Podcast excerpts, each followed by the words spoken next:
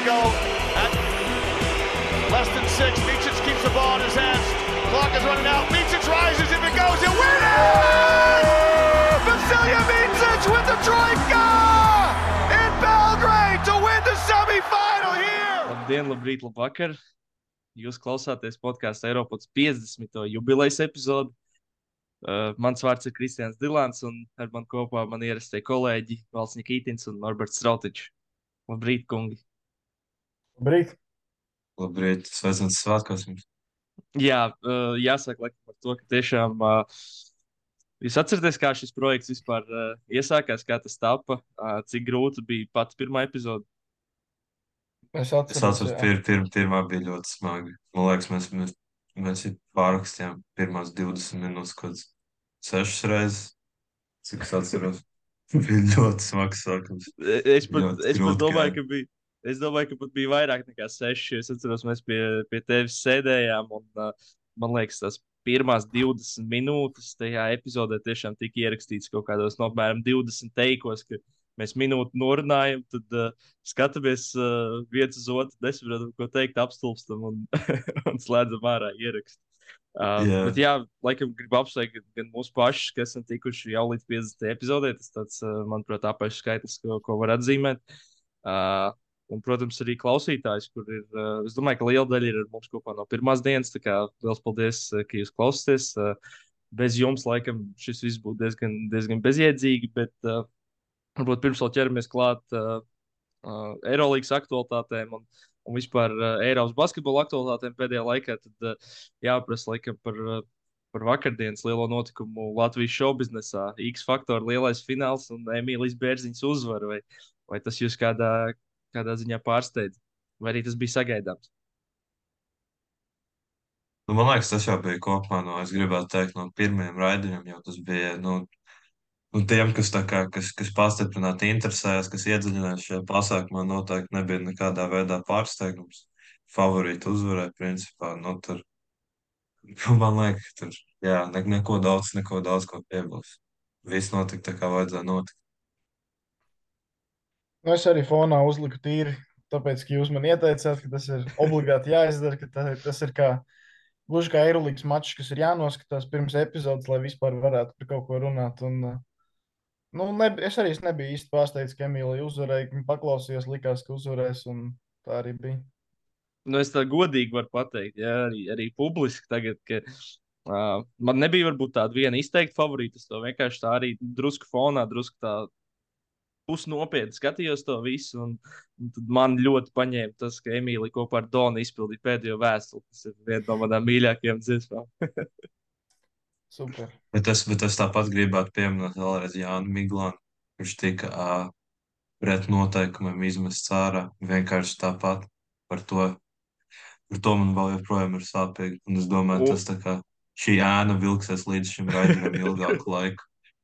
Un, uh, un, ja es nekļūdos, tad Jānis nemaz netika uzaicināts uz. Uh, Tā kā sākās tas uh, fināla šovs, tad uh, tur dziedāja, lai gan visi dalībnieki, kas bija tikuši līdz tā, kā, tā saucamajam pamatturnīram, un, un, un tur nebija Jānis. Viņš tika pavisam nobanots no, no X faktora. Kas man liekas, nav. Nu, labi, es saprotu, kur būtu viņš. Viņš ir vairāk tāds repascēns pārstāvis. Bet, uh, tāpat es nezinu, man liekas, varēja uzaicināt.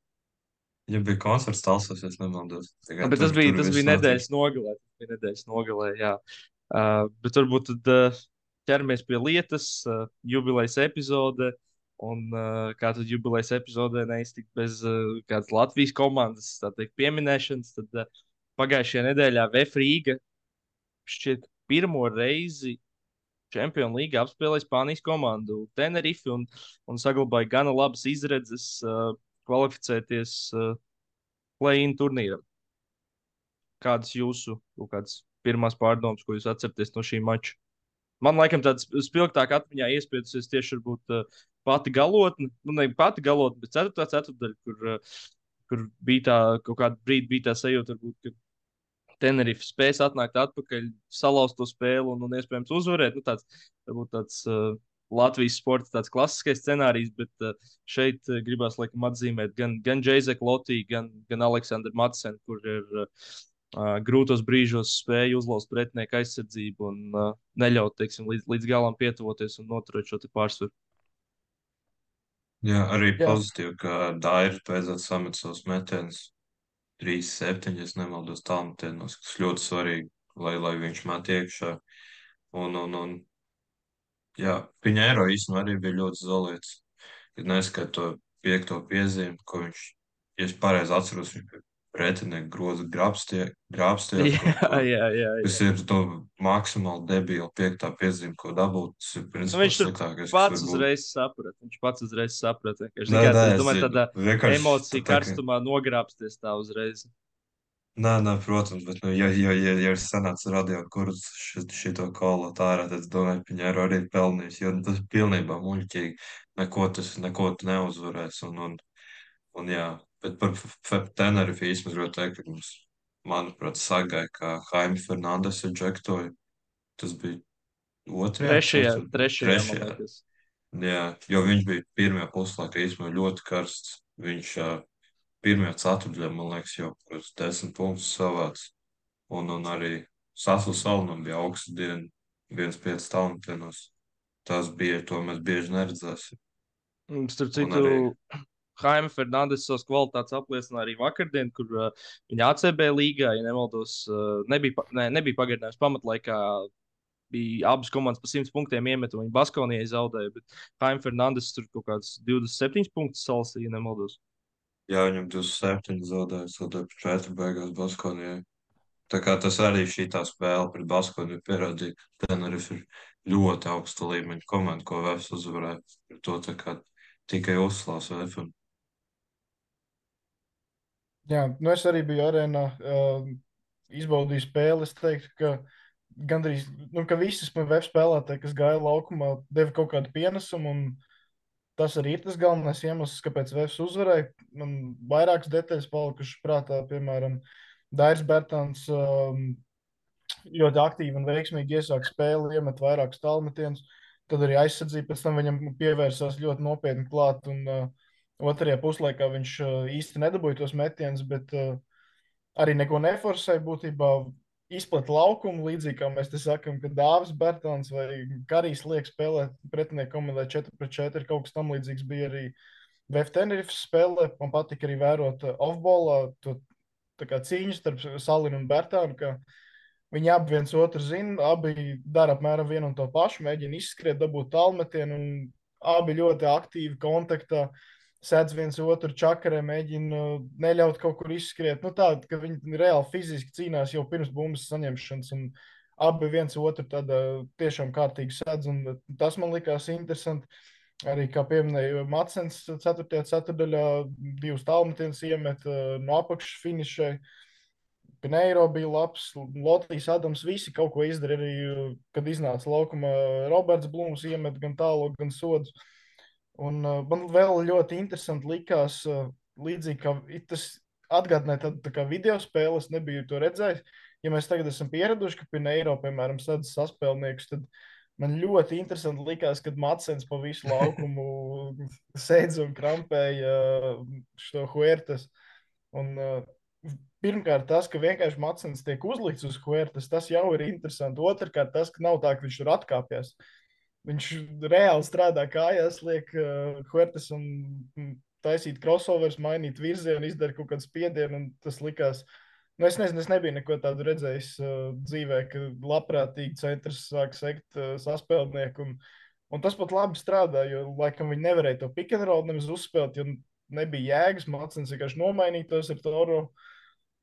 Tiešām ļoti, vienkārši ļoti interesanti kaut ko tādu skatīties. Vēl arēnā dzīvē, ja kaut kas likās vienkārši nepareizi, bet bija pareizi acīm redzot. Bet uh, tagad ir, uh, šis man arī iekrita acīs, tagad ir vēstu prātu padomājot. Nu, tas principā bija tāds uh, labākais variants, visticamāk, uh, protams, nestandarta, bet uh, nu, tā domājot arī, nu, nu Huertasam ir 40 gadi. Nu, viņš nav pats jaunākais katrā ziņā. Viņš arī nav ne tuvu, tuvu fizisks. Uh, viņš, uh, nu, teiksim, viņam, viņam patīk spēlēt uh, ne tik lielā kontaktā, un, viņš nav ne tuvu vairs tik ātrs. Viņš, protams, joprojām ir izveicīgs un veikls, bet Matsens arī ir pietiekami kustīgs garais. Man liekas, nu, Un šādā scenārijā, tas, tas, protams, arī nenotika visu spēli. Tas bija pēc viņa eiro piektās piezīmes. Nu, man liekas, ka labs risinājums uz teiksim, noslēdzošajām 15 minūtēm. Protams, tas arī nu, nevar teikt, ka tas slikts risinājums. Tas atmaksājās un tas atnesa VFM uzvaru. Bet, uh, kas interesanti, vēl Macens visu šo prātu dot kaut kādu pienesumu uzbrukumā, jo, uh, jo tomēr uh, es pieļauju, ka viņam tā slodze Nu, noteikti ar, ar garajiem sitoties apakšā, tas arī ir, ir pietiekami smagi, bet uh, tā ir tomēr drusku cits slodzi, manuprāt, kad, kad garajiem ir tiešām pa visu laukumu jāsaka. Jā, nu, Man liekas, ka es- tur arī kopumā, kā jau teicu, tur, tur tas Huertas diezgan parocīgs spēlētājs, pret ko to darīt, jo, jo viņš tiešām nav, nav tik ātrs, kā, kā viņš iespējams bija pirms desmit gadiem. Tā kā, tā kā tas, es domāju, tas ļoti, ļoti, liela daļa no tā, ka mēs, kāpēc tas viss strādāja, tad vēl, jā, tu kaut kādā ziņā pikanrola reiz nosēs loģiski ar garu spēlētāju, tad tur nav jēgas īsti to viņu spēlēt, nemaz sviču un nedabū neko. Un, un uh, man, tur, man liekas, arī nospēlēt pozitīvi tas, ka nebija vairs uh, Jaime Fernandes, jo pret viņu es neticu, ka šī tāda schēma varētu atļauties, ja viņš būtu Huertas vietā. Un es, ne, es godīgi neatceros, kas viņam vēl bija pa saspēlniekiem. Man liekas, ka vairs jau nekā citu īsti nav.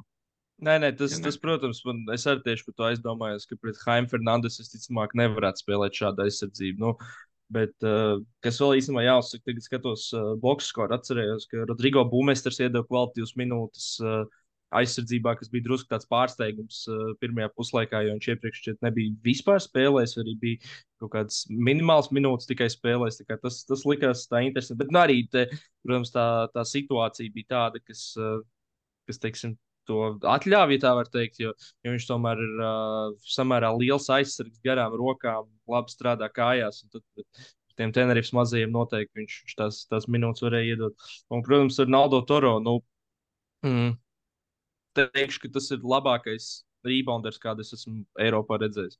Varbūt te kaut ko ļoti aizmirsu, bet, bet tiešām ir īpaši arī uz šo spēli nesanāca apmeklēt, bet, uh, kad esmu bijis uz, uz citām spēlēm, kur, kur klātienē, tuvāk laukumam esot, tad tur ļoti labi var redzēt to, ka tur pilnīgi vienalga, es nezinu, var kaut kāds stiprākais atbloķētājs. Viņu tur atbloķēt, viņam tās rokas, viņš, viņš māk, viņš jūt, tur ielikt kaut kur pareizajā vietā, kaut kur pasist to bumbu. Viņš, nezinu, pasit vienreiz uz augšu, pēc tam ātrs otrais lēciens, viņš viņu savāc. Un, Uh, nu, tiešām tāds milzīgs cīnītājs, un, un es teiktu, ļoti labs papildinājums Vēfam. Lai gan uh, nu, sākotnēji, laikam, laikam nešķiet tā, gan pēc viņa CV, gan arī pēc tā, kas, kas bija dzirdēts par viņu. Kā, nu, teiksim, tā viņa uzbrukuma kvalitātēm. Tā kā, kopumā man liekas, šajā modelī viņš, viņš izcili der. Jā, es piekrītu. Bet Tas, tas tā kā par tām, to, ko tu saki par tām uzbrukuma kvalitātēm, tas jau viss, viss paliek. Nu, uzbrukumā viņš īsti nekāds brīnums nerādīs tāpat, tā, bet jā, šī tādam vefam, manuprāt, tas bija principā tieši tas, ko vajadzēja. Jo, cik es atceros, tad pirmo spēli, kad viņš, viņš vēl nebija, man liekas, pret Darušu Faku, tur viņi bija bezcerīgi zem groziem. Tagad es gribētu teikt, ka tā situācija ar viņu uzlabojusies, un tas vismaz, vismaz jā, tad izpild, izpildīts mērķis. Bet es gribētu īstenībā pasēties nedaudz nākotnē. Tagad ir pēdējā spēle pret tā Darušu Faku, kuriem viņi pazaudējuši gan Jānis Tīm ir devies prom, gan Kails Olmans, gan arī Makormaks, kurš sagādāja milzīgas problēmas. Viņš arī pameta komandu. Meisons Un- Džons un- arī, viņam bija, ja nemaldos, desmit piespēles pirmajā spēlē. Viņš arī nav vairs. Jā, un, un, un Dārušu Faka šajās brīvdienās tieši, ja es nemaldos, redzēju, ka Pako Krus viņus uzvarēja. Nē, tur bija, tur bija, tur bija ļoti labi galot. Vispār. Tur bija tā, ka uh, kaut kādā pēdējā minūtē Daruša Faka paņēma, nē, Manīsa, kuru spēlē ne tikai viens bijušais Latvijas leģendārs Pako Krus, bet arī, arī bijušais Vēnspilnieks Rains Luters. Uh, viņi savāca pēdējā minūtē kaut kādas četras uzbrukumus, ne pēdējā pusotrā minūtē, sākot no kaut kādas minūtes 30. Uh, viņi savāca kaut kādas četras uzbrukuma bumbas un nospēlēja kaut kādu 50 sekundžu uzbrukumu un nolādēja garām visus 4 vai 5 strīņus. Uh, Dažs fakti tika pie bumbas, uh, nu, labi, tur vēl kaut kādas lietas notika pa to laiku, un, uh, un Džans Korkmas uh, pārgāja pāri. Uh, bija kaut kāds 9 sekundes palikušas, laikam. Uh, viņš pārgāja pāri, uh, viņš pirmo metienu, man liekas, nobloķēja. Viņš dabūja pats savu reboundu, un tad viņš no, uh, no gala līnijas pilnīgi atlēcienā iemet diviem džekiem sejā, palika 0,9 sekundes. Bija, protams, minūtes pārtraukums. Un, Un, un pēc minūtes pārtraukuma Pako Krusts izskrēja viņam divu džeku, uzlec virsū, un viņš tāpat ielika ar acitienu, un, un man īsi uzvarēja dažu faku. Bet uh, tur šobrīd, ja nemaldos, palicis tikai Abdus Rahmans un, un Viters no, no ārzemniekiem. Kā, tas jau, ko tu iesāki, un es drusku pārtraucu, tiešām laikam. Nu, gribās ticēt, ka VFam tā situācija ir ļoti parocīga. Un, un kas to situāciju, man, manuprāt, padara vēl parocīgāk, ir tas, ka tev nav jāuzvar Stambulā ar plus desmit. Tev, tev pietiek ar, ar tīro uzvaru, un tu ej tālāk. Bet tas ir simtprocentīgi, ka pietiek. Jā, jo Tur jau viss kaut ir. kas var notikt. Var visām komandām būt 3-3, piemēram. Un... Nē. Darušu Faka un VF abiem diviem tagad ir pa divām uzvarām. Jā. Tad, ja VF uzvar Jā, Faka, tad jā, ir priekšā Vienkārši tas, kas, tas, kas uzvar, tas iet tālāk. Jā, nu, bet tur Un es pārējās vietas, pirmā, arī- otrā, trešā vēl. Nu, tas gan ir nezināms. Jā. Es kopumā teiktu, pirmie ka viņi laikam diezgan, nevarēja būt. Bet principā ir tā, ka, eh, nu, kā es redzu reālāko scenāriju šobrīd, nu, nu, Labi, ne- ne, ne, nedzīsim zirgus, bet uh, nu, visticamāk būs tā, ka Tenerife mājās, ja nebūs mājās, viņi uzvarēs šolē. Vienalga, pat ja izbraukumā, es domāju, ka, ka, ka viņi var uzvarēt, un viņi būs favorīti šajā mačā. Ja viņi uzvar, tad uh, Vēfs ir otrajā vietā ar uzvaru. Un, uh, tur ir interesanti grupa nāca pretī plēnā.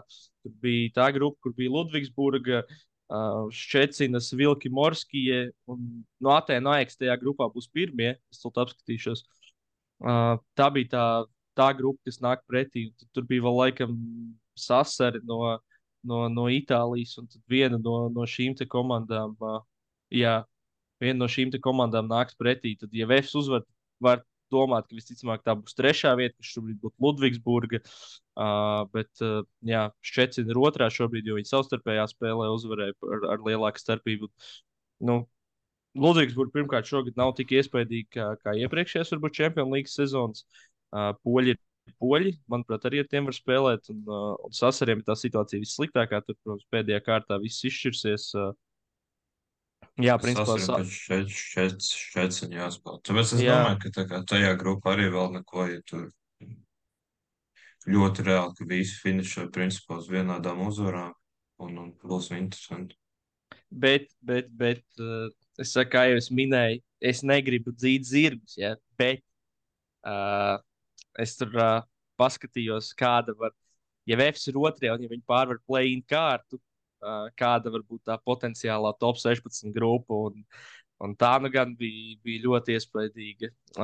Tā kā šis ir, ir mūsu podkāsts, tad es atļaušos nedaudz aiziet uz janvāru, nākotnē, nu, drusku paprognozēt un, un pastāstīt, kas šajā grupā būs. Tātad pirmā E grupas komanda, kas ir, man liekas, ir diezgan stabila, tā bija Malagas kas Nē, ir, grupa ir Pinar Karšijāk un Strasbūra ar 3-1 bilants. Pagaidzi bija šito kaut kur. Malaga Ah, nē, nē, A tas ir, tā ir, tā ir E grupa. Jā, jā, jā, sorry. Es, uh, jā A grupa un uh, E grupa bija. Pagaidzi, man Tā bija Karšijāk. pierakstīts. Tūlīt, tūlīt, tūlīt, sorry. Tā ieeja flashkorā. Es biju sarēķinājis. Ah, no, no tās E grupas bija laikam. Uh, Respektīvi, tā grupa, nu, labi, nav svarīgi. Tur sanāca tā, ka tā grupa ir unikāla HX, un tad ir Pauks, uh, Jeruzalemes Hapoels, Mursija vai Tortona un, un Vefs. Jā, tas vēl nav neizklausās labi. Viņš godīgi nu, bet, bet būtu būt ļoti interesanti. Būtu ļoti interesanti redzēt Mursiju ar diviem brāļiem, kuruciem. Vai, labi, Jānis Strēlnieks nebūs, diemžēl, Tortonā, bet, uh, jā, nu, jebkurā gadījumā Arthurs Strautiņš varētu atbraukt uz Rīgu. Bet es saku, es dzēnu zirgus un, uh, un Vēfam vēl pašam ir pirmkārt jāuzvar un jāpārvar plēņu kārtu, lai šis te piepildītos. Maleks Unikā Harēnā Rīga varētu būt diezgan iespaidīga. Piekrīt. Viena no divām komandām, kas ir uzvarējusi Madrids Reāli. Kurš katrs to nevar izdarīt? Barcelona ar trīs mēģinājumiem nevarēja. Jā. Ļoti, ļoti spēcīgs komandas potenciāls mums viesosies. Bet tā, ah, īstenībā es atcerējos, atminējos par, par vienu lietu, ko es arī gribēju tajā mūsu ievadiņā pajautāt. Uh, Norbert, tu šajā nedēļas nogalē spēlēji pret, uh, pret Prometēju, kuriem ir jauns, nu, ne jaun, nu salīdzinot ar pagājušo sezonu, tur ir pāris jauni spēlētāji. Uh, kurš bija, uh, kur bija vis, visgrūtāk sekt?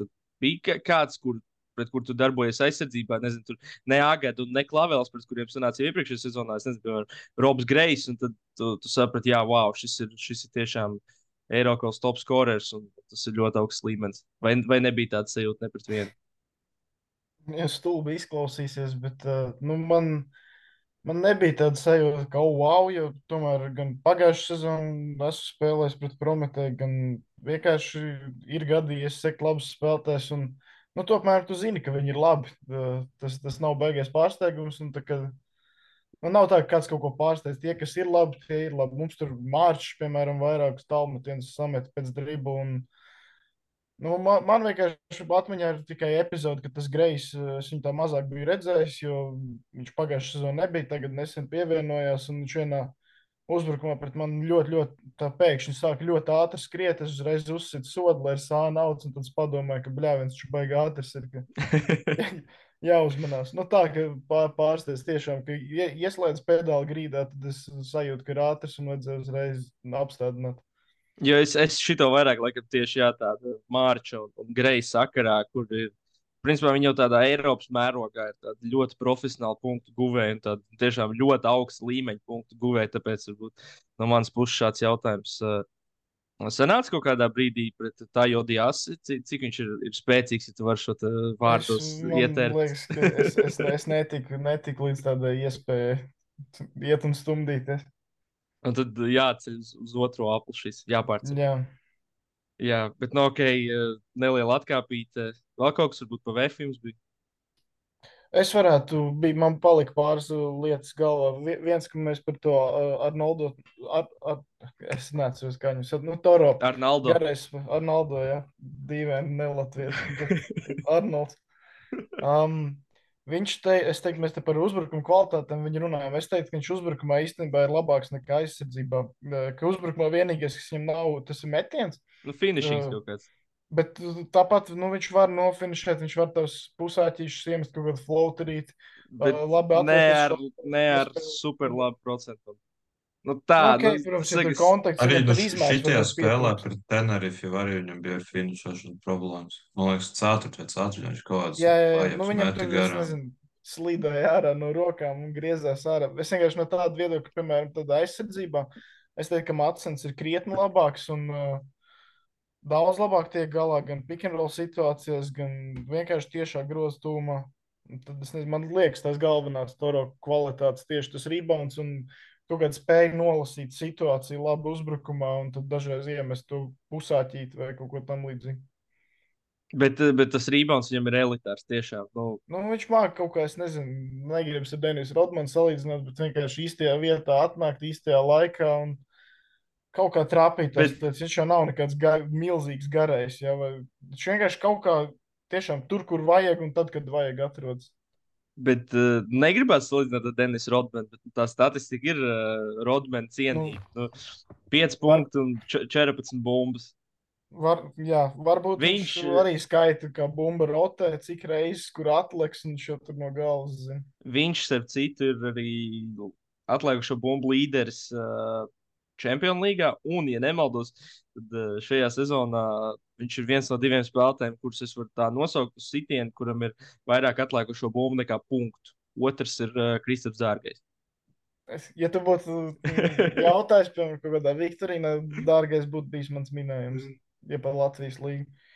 Un pēdējā lieta par VF, ko es gribu pateikt, eh, zinu, kā man, piemēram, dažreiz dzīvē ir treneri teikuši par pretinieku pirms spēles, ka, apmēram, izdara tā, lai viņš ir nelaimīgs, ka viņš ir atnācis šodien uz spēli, vienkārši nosedz viņu tā, apspēlē viņu, uzspied uz visiem viņu, tā teikt, vājiem punktiem un izmanto katru mīnus, kas ir viņa spēlē.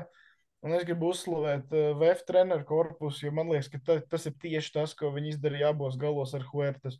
Pirmkārt, tā viņa čakarēšana visu laiku, tad viņa Pineiros, tas būmēs, tas Matsens, Tad kaut kur iet Anderā ļoti izteikti, un viņš tā kā nesaprot, mest, nemest, kaut kas viņam nekrīt, neveicas, viņš pat neizvēlas metienus.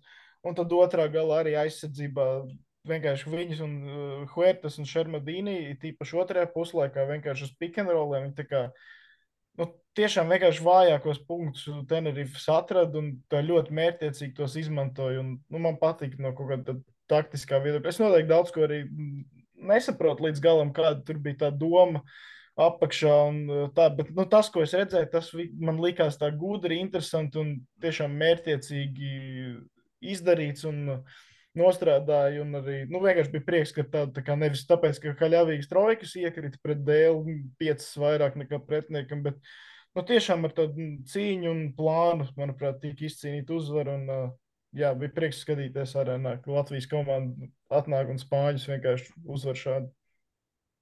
Plus tas, ko teicu, atnāk arēnā, tad nu, es gribu cerēt, ka, ka piemēram, tāda tikšana to plēnā un pēc tam arī iespējams top 16 varētu būt vēl vairāk cilvēku atvest uz arēnu. Tas būtu, manuprāt, Latvijas basketbolam ļoti labi un, un ļoti skaisti jau tā virzoties. Uh, Olimpiskās kvalifikācijas virzienā. Uh, jā, uh, tad par Eirolandu. Jā. Jā. Uh, es piedāvāju sākt ar uh, 12. kārtas spēli Berlīnas Alba Kaunis Žalgirs. Uh, Žēlgājs, protams, ļoti labi sāk. Tur bija kaut kāds 20 pret 4 vai kaut kas tamlīdzīgs. Pēc tam tur jau sāk visu likt garām. Bet šajā spēlē es domāju, ka pats galvenais, ka mums vajadzētu pieskarties, ir uh, Kažmaks Vīša un Edgars Lānova meistarklases maču galotnē. Tā, nu, ka, es nezinu, ar, ar, ar ko lai sāku. Es varētu sākt ar, ar klasisko jautājumu, kāpēc spēles galotnē atkal bumba nav Kīnam Evansam vai Rolandam Šmitam. Ja godīgi, es uzreiz gribētu teikt, ka Kaunis Žalgiris ir iespējams vienīgā komanda Eirolandā, kur ne pat neiespējams, visticamāk. Vienīgā komanda Eirolandā, kur komandas divi galvenie alfa suņi neizšķir maču liktenis. jo, jo, jo tev ir štāta lietuvietis, kurš ieliek uh, vienā no piecām reizēm, un tad tiek nesāts uz rokām. Uh, bet uh, rekur, tātad īsts galots atstās, atstāsts. Tātad sākās pēdējā minūte. Uh, tur bija, sākoties pēdējai minūtei, bija tā, ka bija Alba bija pagūsi izlīdzināt. Uh, tad ir uh, ka ir minūtes pārtraukums. Pēc minūtes pārtraukuma viņi uztaisīja diezgan ātru uzbrukumu, kas noslēdzās ar Gidraišu trīnu no stūra. Viņš par laimi to ielikt, plus trīs. Kā viņš ka notur aizsardzību, sākās pēdējā minūte. Ko izdara Edgars Lānos? Viņš paliek pret uh, Janiju Vecelu, kas, nu, nu it kā ir mīsmeģis, bet varbūt ne tik izteikts. Uh, plus 3, 50 sekundes jāspēlē, 8 sekundes uzbrukuma laiks. Edgars izšķirās par grūtu tālmetienu, kurš, protams, ir neprecīzs. Uh, Žāģis ļoti slikti atgriežas uh, aizsardzībā. Uh, Johannes Stīmans tā kā treilo. Uh, neatceros, kurš viņu tur atrod, bet viņš tiek pie superviegliem diviem punktiem, iespējams, vieglākajiem šajā spēlē. Uh, tieši viņa kontā, un ir uh, Žāģis tikai plus viens. Uh, tad ir tā, es te biju sarakstījis.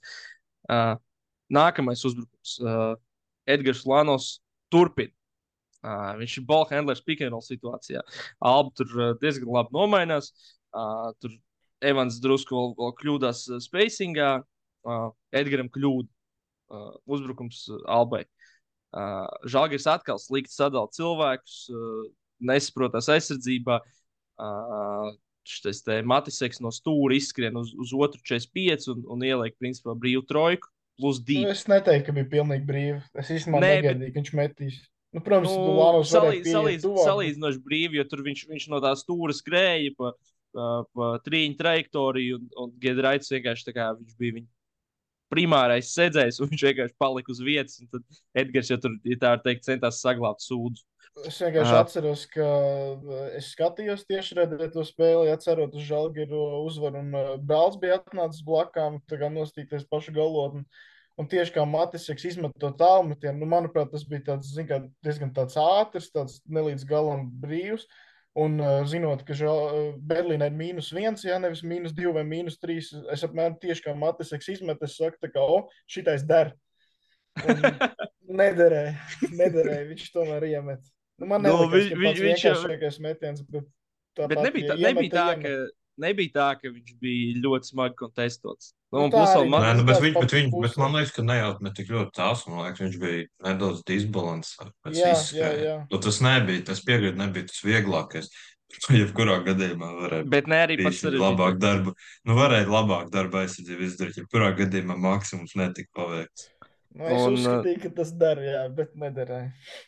Tad uh, Kazas Maksvīts izmanto savu pēdējo minūtes pārtraukumu. Labi, ka viņam tāds vismaz bija pataupīts šajā spēlē, jo mēs tiksim līdz nākamajai ja, spēlē. ja, godīgi, ja godīgi, es domāju, Jā. ka pat uh, šoreiz tas nospēlēja slikti, jo, jo viņam bija tā kā variants atkal bumbu nogādāt Ulānovam. Iespējams, ja tur būtu palikušas tās 9 sekundes, viņš varētu Kīnanam. Ah, nē, vispār Ne, jau tur bija tā- piecas Nē, nē, tur bija 5 vispār. sekundes kaut kādas. Ah, Nē, nē, bija tas, tad ka 5. bija sots, un tad, jā, jā, jā jo Albai nebija vēl norma.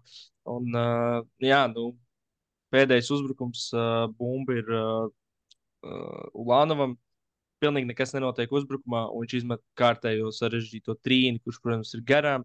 Un uh, viņš to izdarīja pret Johanu Stīmanu, kurš bija arī teiksim, tāds viņa primārais sedzējs tur, nu, tajās pēdējās epizodēs. Uh, un, un uz šo pēdējo epizodi arī Rolands Šmits tika atkal sūtīts laukumā. Pārējās galotnes epizodes priekš kām labāk mēs ar, ar, uh, ar Evansu un, un četriem lēšiem, vai, vai Evans Heiz un trīs lēšiem izvilksim, no kuriem no šiem te četriem, no, šiem te, no šī piecinieka Eirolandes līmeņa stabila spēlētāja ir divi pusi. Nu, jā, un, un, un tad vēl viena lieta, kas man iekrita acīs, šis te pēdējās minūtes piecinieks. Nu, neskaitot to, kur, kur rolas beigās iznāca. Tātad uh, Janī Vecels, Johannes Stīmans un Tims Šnaiders. Nu, visi trīs ļoti lieli ķermeņi. Uh, Šnaiders arī pilnīgi mierīgi var spēlēt pa, pa četri, izplest laukumu. Uh, visi, principā, var iemest uh, tiešām lielu ķermeņu. Un tad vēl bija Malta Dīlos un, un laikam, Matiseks, kurš kur arī, labi, Matiseks varbūt nav super liels, bet Dīlos vismaz liekas, nezinu viņa parametrus, bet šķiet tāds uh, ne tas mazākais aizsargs.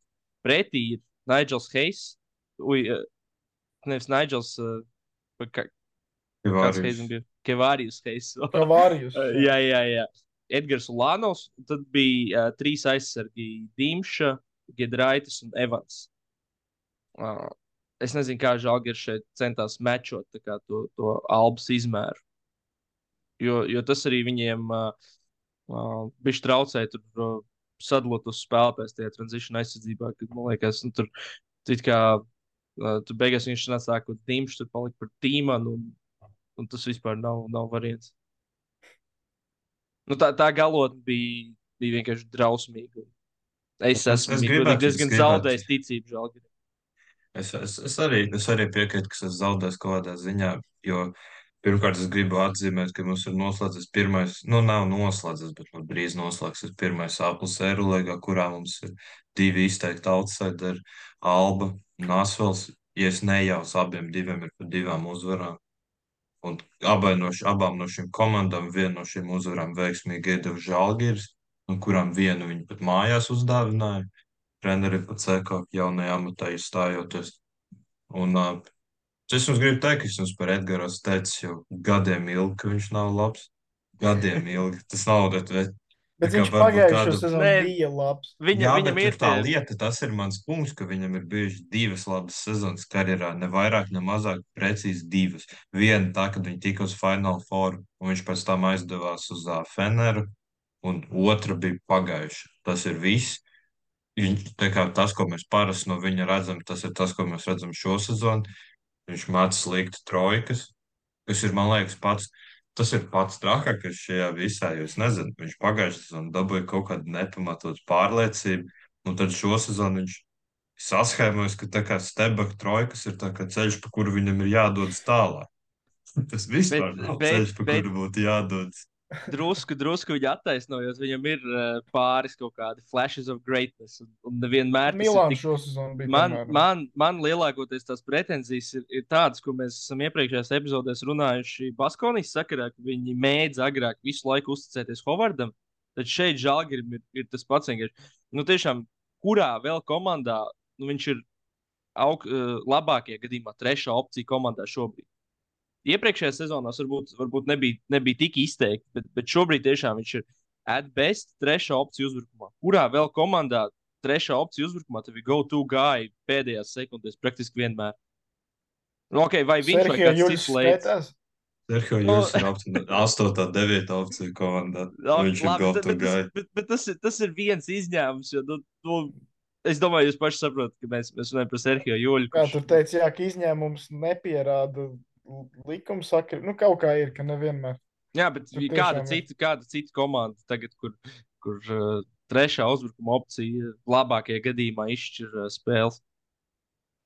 Jā, Un, un vēl tev tiek ignorēts uh, otrais, pirmais džeks. Nu, Es gribētu teikt, ka Žalgiris ir tāds celmlaužs šajā. Ar to tā kā cenšas kaut ko jaunu izdomāt. Par to. Es pat īstenībā ne, nezinu, vai Edgars pat skaitās trešā opcija uzbrukumā. Nē, tāpēc Viņš labākajā sezonas-. Jo viņš vēl sezonas, nu es negribu teikt sākumā, tā kā pirms kaut kādām piecām spēlēm viņš vēl nāca no soliņa vispār spēlēt tad, tā kā mazākas minūtes. Nu, un es, es godīgi teicu, ka viņš neesmu ir nekad trešā. sapratis to. Es ok, bet es godīgi neesmu sapratis to, to milzīgo uzticību viņam, jo viņš, piemēram, šo sezonu šo uzticību ir noricis jau vairākas reizes. Atcerēsimies spēli pret Asfaltu mājās arī, kur viņš izdomāja, ka pret Nando de Kolo labākais risinājums ir Feiders, jo Nando de Kolo, es atgādināšu, ir aptuveni, nu, es nezinu, 10 centimetrus, 10 centimetrus īsāks. Un, un, Par viņu? un, Nando Nu, es Kolo ir garš. Nu, labi, ok, Nu, labi, ok, bet labi, tas varbūt tas, nevar jā. būt ne, labi, nu, kilogramu 20 starpā. Nu, tur ir milzīgi, tu, tur ir milzīgi. Nu, mil, tur ir liela atšķirība. Tas ir mīsmečs. Būsim godīgi, un, un tu nemet tur feideru. Un, un tajā pašā spēlē viņš. Tā bija tā spēle, kur viņš to vēl to kaut kādu lauteru Jā, bezskrēju jā, jā, jā. Jā. Tā kā Ne, ne, bet- bet... nekas neattaisno šo izvēli. To viņam visu laiku dod bumbu. Es neesmu to sapratis. Šajā, šajā sezonā ir uh, daži tie kaut kādi momenti, kad man reāli liekas, ka uh, labākais leids komandā ir Toms Dīmšs. Tas padomā, Viņš- cik tas ir bēdīgi īstenībā. Ne, Tas ir reāli bēdīgi. viņš ir, viņš ir, uh, viņš ir progresējis. Viņš ir, es domāju, savā otrajā sezonā Eirolandā. Un Varbūt viņš tur bija pavisam jauns, kā Eirolandā, bet uh, tādā otrajā nopietnējā sezonā Eirolandā viņš, viņš ir reāli progresējis. Viņš, uh, viņš labi uzbruk no distances, viņš, viņš labi iet cauri, prot finišēt. uh, Un viņš tiešām viņš arī ir jaunāks. Un, uh, un man ir tā sajūta, ka viņš uh, kaut kādos brīžos overtake Olānu. Jums tā nešķiet? Brīžos, jā. Uh, starp citu, arī Dovīdas Gedraits tagad vairāk spēlē un labāk un pilda to galveno aizsarga funkciju, kad Butkevičs ir izkritis. Un es tikko iegūlēju uh, jautrības pēc uh, starp Ulānovu un Dekolo. Pēc Google datiem ir 8 kg atšķirība. Varbūt tas- Dekolo Jā, ir bet- stiprāks nekā mēs domājam. Nē, bet, bet zināmā mērā, vēl, piemēram, man liekas, tā, ka uh, es neatceros to konkrēto epizodu, bet vienkārši pieņemot, ka tas bija, tas bija fadeaways. Uh, Lānos jau daudz spēlē postā. Un es domāju, ka, ja, ja tavs postā aizsargs ir Nando de Kolo, tad tu gribi to. Nu, Dekolo grib, lai viņš met veidovēju, Nē, Dekolo, dekolo, negrib, viņš met. dekolo grib, dekolo grib, bet tu kā, tu kā kāds Maksvīts visticamāk gribētu, lai, principā, ja tev dod, ļauj izvēlēties, piemēram, tu postā pret dekolo, es domāju, ņem visu laiku izvēlēties. Nu, jā, jā, Tādā vienkārši epizodē. nemet feidovēju. Jā, jā, Jā, jā, jā, līdz jā. feidovēm bija pareizi. Viņš arī īstenībā man pat, patīk Ulānovs kā trešā opcija, tāpēc, ka man liekas, ka dažreiz viņš atrod tās labas piespējas. Viņš tā kā māca pacietīgi, dažreiz viņš ir pat pasīvs, ka viņš pat neskatās uz grozu. Viņš tā kā Kristaps Dārgais dabū postā, tad meklē piespēli kaut kur ārā, un tad tādi kā Dimšs un Gadraitis dabū metienus no tām. Tad būtībā to situācija ir uztaisījis Ulānos. Problēma tāda, ka, kad ir pēdējais metiens, tad, tad viņš mm, pats met kaut ko sarežģītu un visbiežāk netrāp. Bet uh, runājot par Gidraiti, uh, vai jūsuprāt, uh, viņa tā loma saglabāsies tikpat liela kā pēdējās spēlēs, tajos brīžos, kad Edmunds Samneris būs ieskrējies? Nu, mazliet Pagaidām, pagaidām. Gan jau samazinās, bet man liekas, pagaidām. Ja viņš šitā spēlē, kā viņš spēlēs, tad es neredzu īsti iemeslu viņu sēdēt malā kaut kur. Tā vismaz. Viņš šitajā double game weekā abās spēlēs, man liekas, samet 11 punktus. pie 15 kaut kas tāds, viņam bija abas divas. Un, un nu, Samners vēl, ok, labi, jā, viņš tiešām tikko atbraucis, bet vēl viņam noteikti vēl vajag kaut kādu laiku, lai sāktu spēlēt, kā jāspēlē. Un, un varbūt Gedrais dabūs vēl lielāku pārliecību. Varbūt viņš vēl apsteigs Ulānovu vietējā, vietējo spēlētāju rangā, var zināt. Un, un es, ne, es domāju, ka nekas daudz nesamazināsies. Tā. Bet, eh, darīt? starp citu, tikko pirms mēs sākām ierakstu, tad Žalgiris noslēdza eh, uz trīs nedēļām līgumu ar Austinu Holīnu, kurš arī principā tāds aizsardzības suns, tāds tīrs triendīgāji. Uh, kā jūs redzat, varbūt viņš atņems kaut kādas minūtes Giedraitam. Nu, droši vien tad viņš, jo tagad, ja mēs arī pārceltos pirms piekdienas spēles, Žalgiris Monako, tieši Gidraits bija tas, kurš Maika Džeimsu sedza visu spēli. Diezgan labi arī to darīja. Vienkārši Maiks ir Maiks, viņš iemet tāpat kaut kāds sarežģīts metiens. Un viņš iegrūž kontaktā, dabūs Bet viņš, viņš, viņš ļoti iemet. labi prot to, to nelielo starpiņu dabūt, lai tiktu pie tā metiena. Džeims, jā, jā, Jo tieši- kontaktiņā, tad pušu bija iedod tā, ka tas ne, nesots nekas, bet ir spējas metienam uzreiz. Tur bija, bija tieši man tādas uh, divas epizodes, vienkārši palikušas atmiņā, kur bija Maiks Džeims. Viņš uh, pret Gedraitu uztaisīja Jā. pagriezienu, ielika pustālos savā augstajā lēcienā, un tad Gedraits mēģināja kaut ko līdzīgu otrā galā. Un, un, ja tur bija tā, ka, piemēram, Maikam tas bija principā kā brīvs mētījums, tad Gedraitam tur vispār bija. Uh, viņš man liekas, beigās pat neizmet un atdeva kaut ko. Nu, tur viņš nedabūja nekādu separēšanu. Nu, Ma- Maiks ir elitārs šajā. Jā, jā, bet nu, Gidraits ir tas galvenais, tas aizsardzības džeks. Un, tā teikt, tad, tad, kamēr Butkevičs nav, tad viņš dabūja to lielāko lomu, bet tagad, ja sastāv papildinājums, tad tas noteikti, es domāju, ietekmēs minūti. Ja mēs, ja mēs to, to Žalgiris Monako spēlē īstenībā, mēs tagad uz to pārceļamies. Es, Un varam īstenībā, un tad jauktā secība atpakaļ pie trešdienas, ceturtdienas.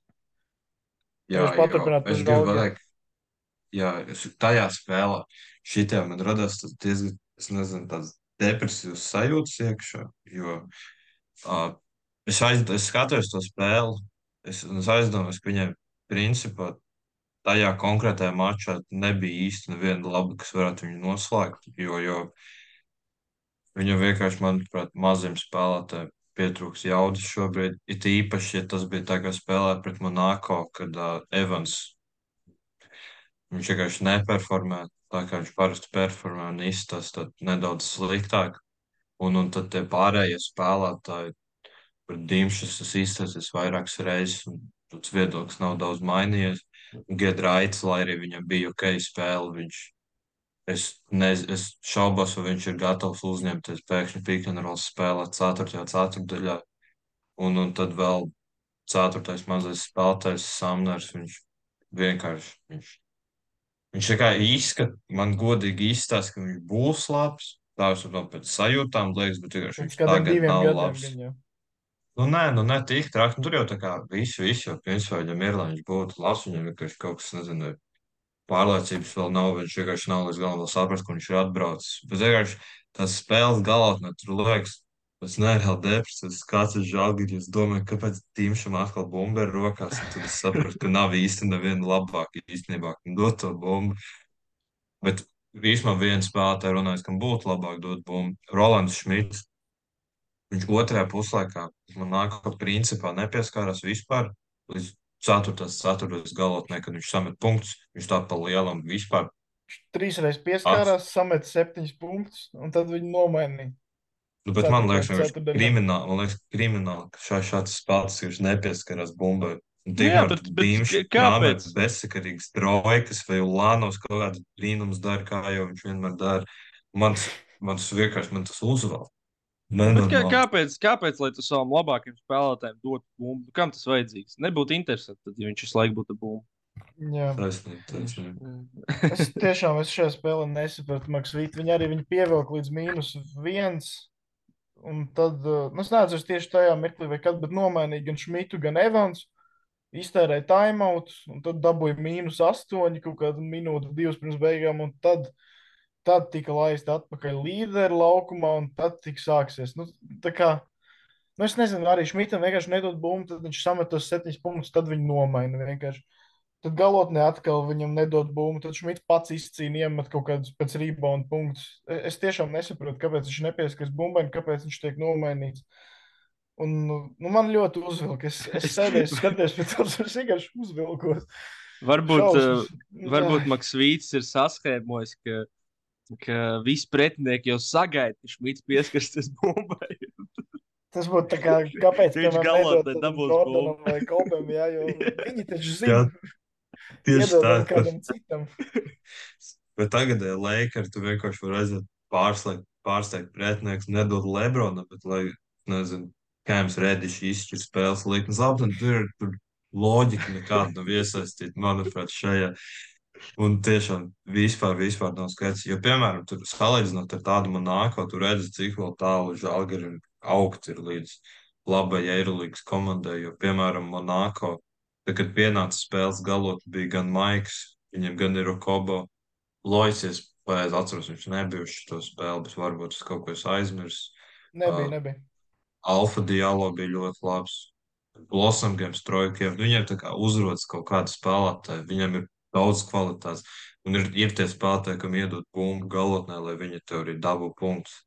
Žēlgirim, ja Evans, Evans nav, tad tu ir. Nav, Nu, nav, nav, nav, nav izmēģināts roļa variants īsti. Es pieļauju, ka tas varētu strādāt. Nav, Nu, nav, nav, nav ko testēt, dotam šmitam bumbu izvērst. Divšam īstenībā arī- dribli. Es gribu arī īstenībā paskaidrot, nu, piemēram, Monako pret Evans daudz spēlēja stepautu. Evansam grūti bija, nu, grūtāk bija tikt pie tām savām trojkām pēc pikantrola, kas viņam patika, vai kaut kur nodrēvot, jo vienkārši garais laika priekšā. Un uh, arī, kad citi spēlē pikantrolu, nu, bieži tā kā palika tādi brīvāki uh, Birutis un Kavārijus Heis. Un tad, kad viņi rolo, tad viss žēlgājis vienkārši meklē viņus ar piespēli, un viņi pusi bumbas nevar noķert. Un tā, kad Šmits, Šmits stāv stūrī, tikmēr neko nedara. Un es gribu, es tagad, laikam, nākamajā spēlē paskatīšos, šito es paskaitīšu, cik piespēles saņem uh, Heis, cik piespēles saņem Birūts un cik piespēles saņem Šmits, jo man tiešām interesē uz aci. Pēc tam sajūtām man bija tāds, ka vienkārši Šmitu neizmanto, un tos divus garos izmanto tā, it kā viņi būtu pirmā opcija. Vienkārši katrā uzbrukumā viņus meklē, un nu rēti, ka tur kaut kādi baigie panākumi būtu.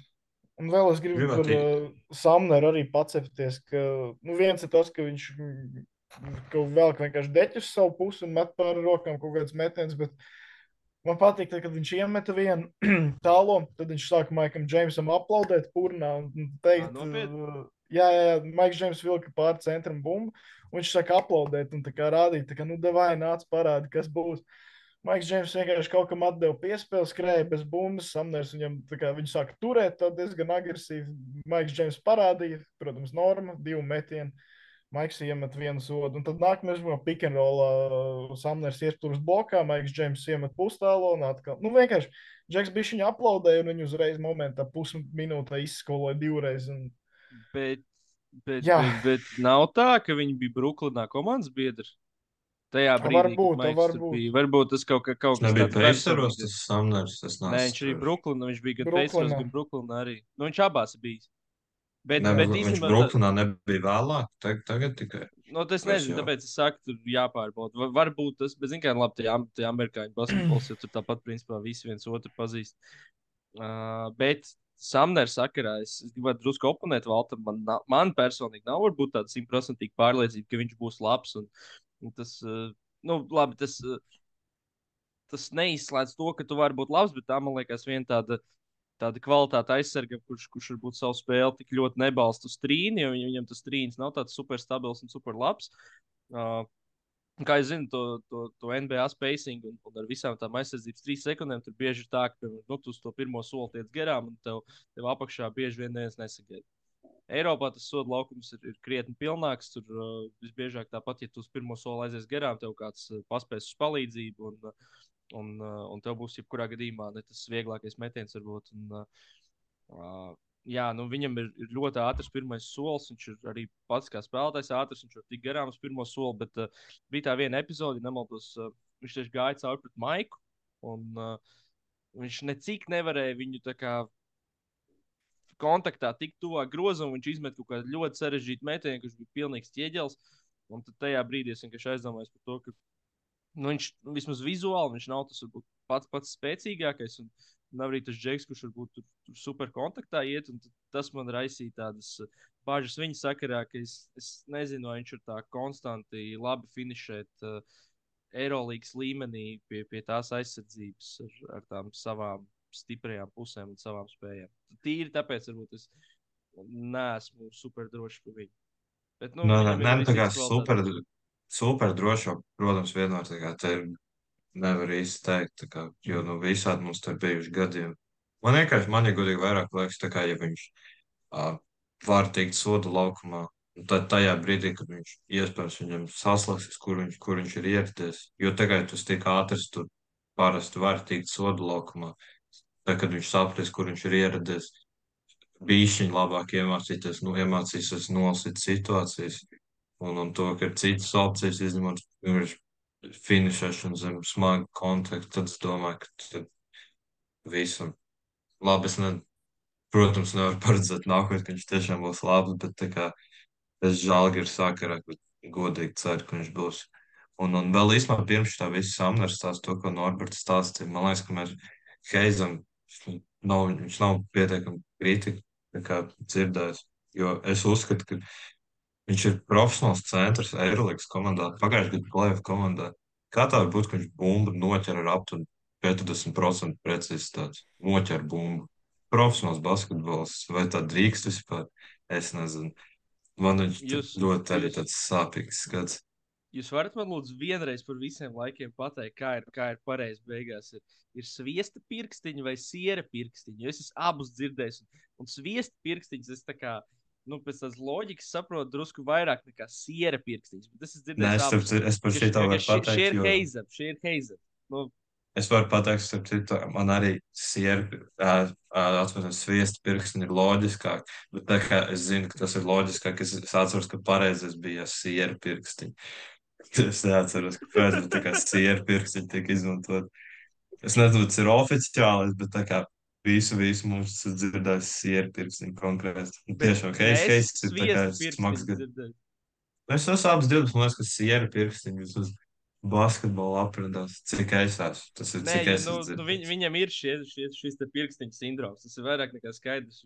Nu, viņš tiešām nemāk noķert bumbu. Un, nu, ne- nemāk, bet nemāk eh, konstanti labi to izdarīt. Tādā vienā līmenī. Nē, nu, tā ir. Nu, tas vienkārši. Nu, arī nevar konkrēti pateikt. Bet es atceros, arī bija galons, kur viņam tā bumba izslīd. Un, tad, uh, vien, vienmēr ir, ir, ir grūti īstenībā pateikt par viņu, jo viņam ir tā kā plats smaids. Un tad tā kā tu nevari saprast, kurā brīdī viņš bēdājās un kurā brīdī viņš smaida. Citreiz liekas, ka ja tā, tā bumba izslīd, un viņš skrien aizsardzībā smaidīgs. Bet, uh, Norčs, kāds tavs teiks, ir, ir sviesta pirkstiņa vai nevaru. siera pirkstiņa?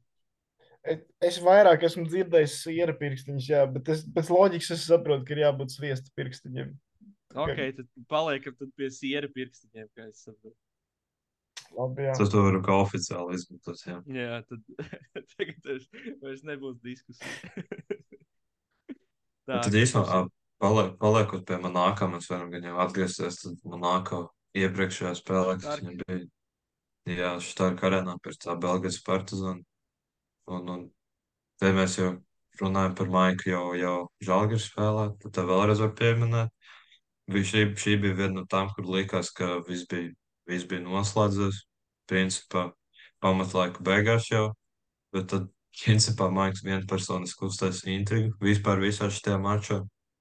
Šiemet vienu trojku pie es nejaucu, tagad mīnus. Mīnus četri. Če, mīnus četri viņš iemet vienu, un tā arī bija grūta.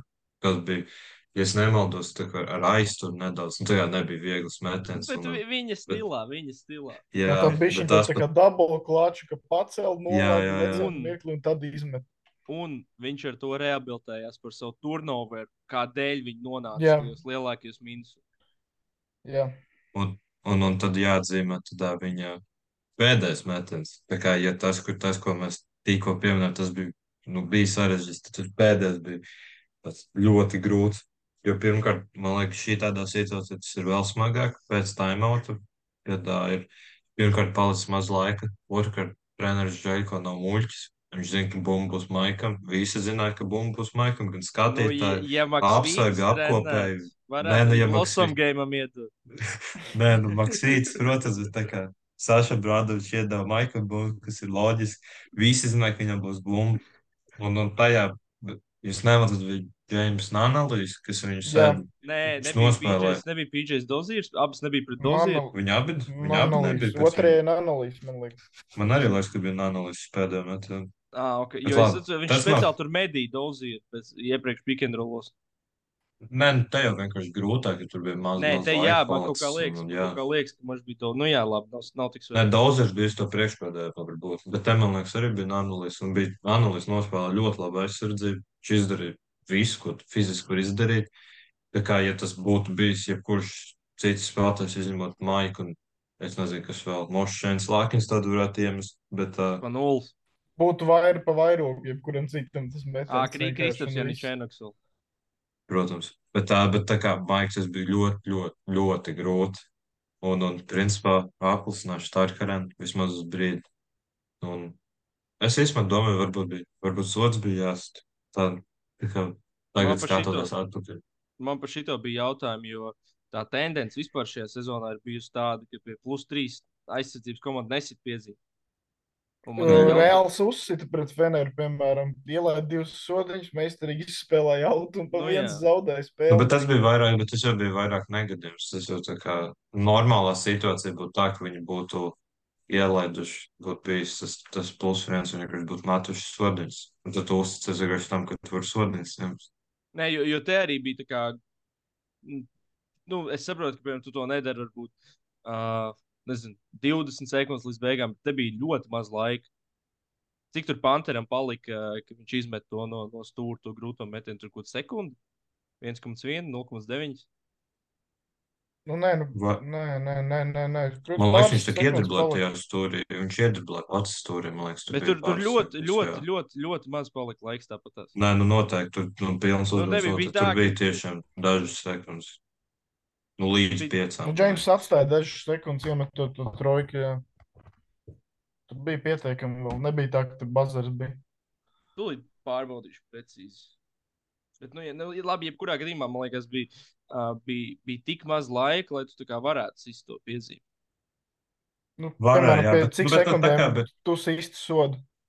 Tad tev, tev ir plus trīs, Maiks Rekords divas, divas, tā, pagaid, ceturtā, ceturtā. Divas sekundes līdz beigām Maiks iemet trīni. Vairāk, es domāju, ka Nu, vairāk. nē, nu vienkārši Eirolandes tajā play by play divas sekundes parādīts. Un Panthers izmet nu, uh, vienu sekundi līdz beigām. Es saku, tur ļoti maz laika palika. Un cik viņš, nu, cik Labi, se, se, Rekur, desmit sekundes bija. Desmit sekundes bija, bija Monako palikuši, un viņš astoņas sekundes nāk nodarboja plus mīnus. Nu, sit piezīme. Nu, varbūt, bet tagad, kā jau teicu, tā ir tendence. Varbūt es nezinu, analītikas saka kaut ko tādu, ko mēs neredzam. Varbūt tā ir kopumā, es piekrītu, tā ir tendence kaut kādā šajā brīdī. Un, un nu, pa lielam jau tā kā grūti pārmest kaut ko aizsargu. Tā tur nu, viss principā tika izdarīts. Tas mētens bija nu, nenormāli sarežģīts. Tā kā, nu, es pat nezinu, es pat nezinu, kā lai pasaka. pat, pat Maikam Džeimsam tas bija sarežģīti. Tas, tas, tas nebija pat, jā, tas pat Maikam nebija treniņa mētens. Tas bija vien, ļoti, ļoti grūts. Man, es, jā, tas tagad vienkārši skatoties atpakaļ uz to visu epizodu, tā domājot, galva varbūt vajadzēs izsot, bet tā kā tajā brīdī es domāju, es neticu, ka pats Žeļko bija dusmīgs par to, kas notika, jo, jo manuprāt, viss tika izdarīts, bet nu vienkārši nepaveicās. Jā. Es tikko vēlreiz apstājos, kad Džeims sāka taisīt to savu mūvu un dejot ar dribu un stepback taisīt, tad tur bija kāds 5 sekundes. Un nu, tad, kamēr tā bumba vēl lidoja, zin, kā no 9 metriem viņš izmet lecienā, un metienu, tad, kad iemet, tad jā, tad palika 2 sekundes. Bet, nu, gan jau, ka vienkārši riskanti, tu zini, ka viņš kuru katru sekundi metīs, un tā kā, nu, nejauši trāpīt metienā arī būtu stulbi to sodu. Un... Jā, nu, Jā, var arī, nezinu, var man nav iebildumu šādu. punktus. Jā. Tā ir kā- gadījies kādam Ir, gariem. ir, ir Labāk. gadījies, pret Maiku ir sanācis. Arī pat Jā. ne tikai citā, citā šīs nedēļas spēlē bija, bet pēc tam mēs vēl tiksim. Un, un papildinājumu īstenībā es gribētu. Tur bija beigās, ja nemaldos pēc spēles. Alfa Dialo teica, ka bija jāspēlē 5 pret 8. Līdzīgs sentiments, tā teikt, bija no uh, Motejuna, ja es tagad neko nejaucu. Jā, Nu, tāpēc, ka pret Bija. viņu bija tā pēdējā epizode, principā, kas izšķīra arī spēli, kur uh, kaut kāds pusminūte mazāk līdz beigām, viena metiena starpība. Viņi atrada, viņi tur nomainījās. Bija laikam motīvs, bija palicis postā pret Dozīru. Es gan nezinu, kāpēc. Tu meklē viņu. Pret Nanelinu, zinot- liekas. nu, jebkurā gadījumā par cil mazāk cilvēku nekā viņš. Jā. Es gan nezinu, kāpēc viņi, viņi meklēja viņu. tā Kā, un, un, jā, nu, nu, viņam Viņš bija ir kā- rezultātu spēle. Nu, tā, tur, principā, īstenībā, tur bija vairāk. Tur jau bija. Uh, tas jau bija tikai otrais no tiem koloniem, pēc tam pirmais bija, ja nemaldos, kaut kāds uh, Monako aizsardzībā pret Džeronu Blossom game, kur sākumā pirmais kols uz laukuma bija uzbrukuma piezīme, bet to pēc tam viņi tā kā viņi, viņi to ieskaita kā aizsardzības, kas, manuprāt, bija pareizs lēmums. Tajā, tur viņš bija pusapli, manuprāt, tur īsti nebija tik daudz jautājumu. Un, un, bet motīvs ir tajā brīdī bija diezgan loģisks, loģisks spēlētājs, ko meklēt. Jo, ja es nemaldos, viņš bija iemetis 20 plus punktus, un viņš savu pirmo mētānu aizmet garām tikai overtime. Līdz tam brīdim viņš vispār neko nebija aizmetis garām, jo viņam izmešs tad jādod. Bet arī tā piezīme, godīgi, nelikās varbūt. Labi, ok, viņi nerādīja baigā atkārtojumā, tāpēc tā kā es vai no vairākiem lēņķiedos man tā nedaudz grūti, grūti spriest, bet tā kā skatoties tīri, tā kā vienkārši to epizodu bez vairākiem atkārtojumiem, man nelikās, ka tur bija kaut kas krimināls. Bet kas man liekas vairāk krimināls bija pēc tam, kad ā, tieši pēc tā moteja un neiemas tā mētienā Partizans aizskrēja ātrāk, pie plus divi viņam tajā momentā bija kaut kāds, es nezinu, cik tur 20 sekundes mazāk viņu.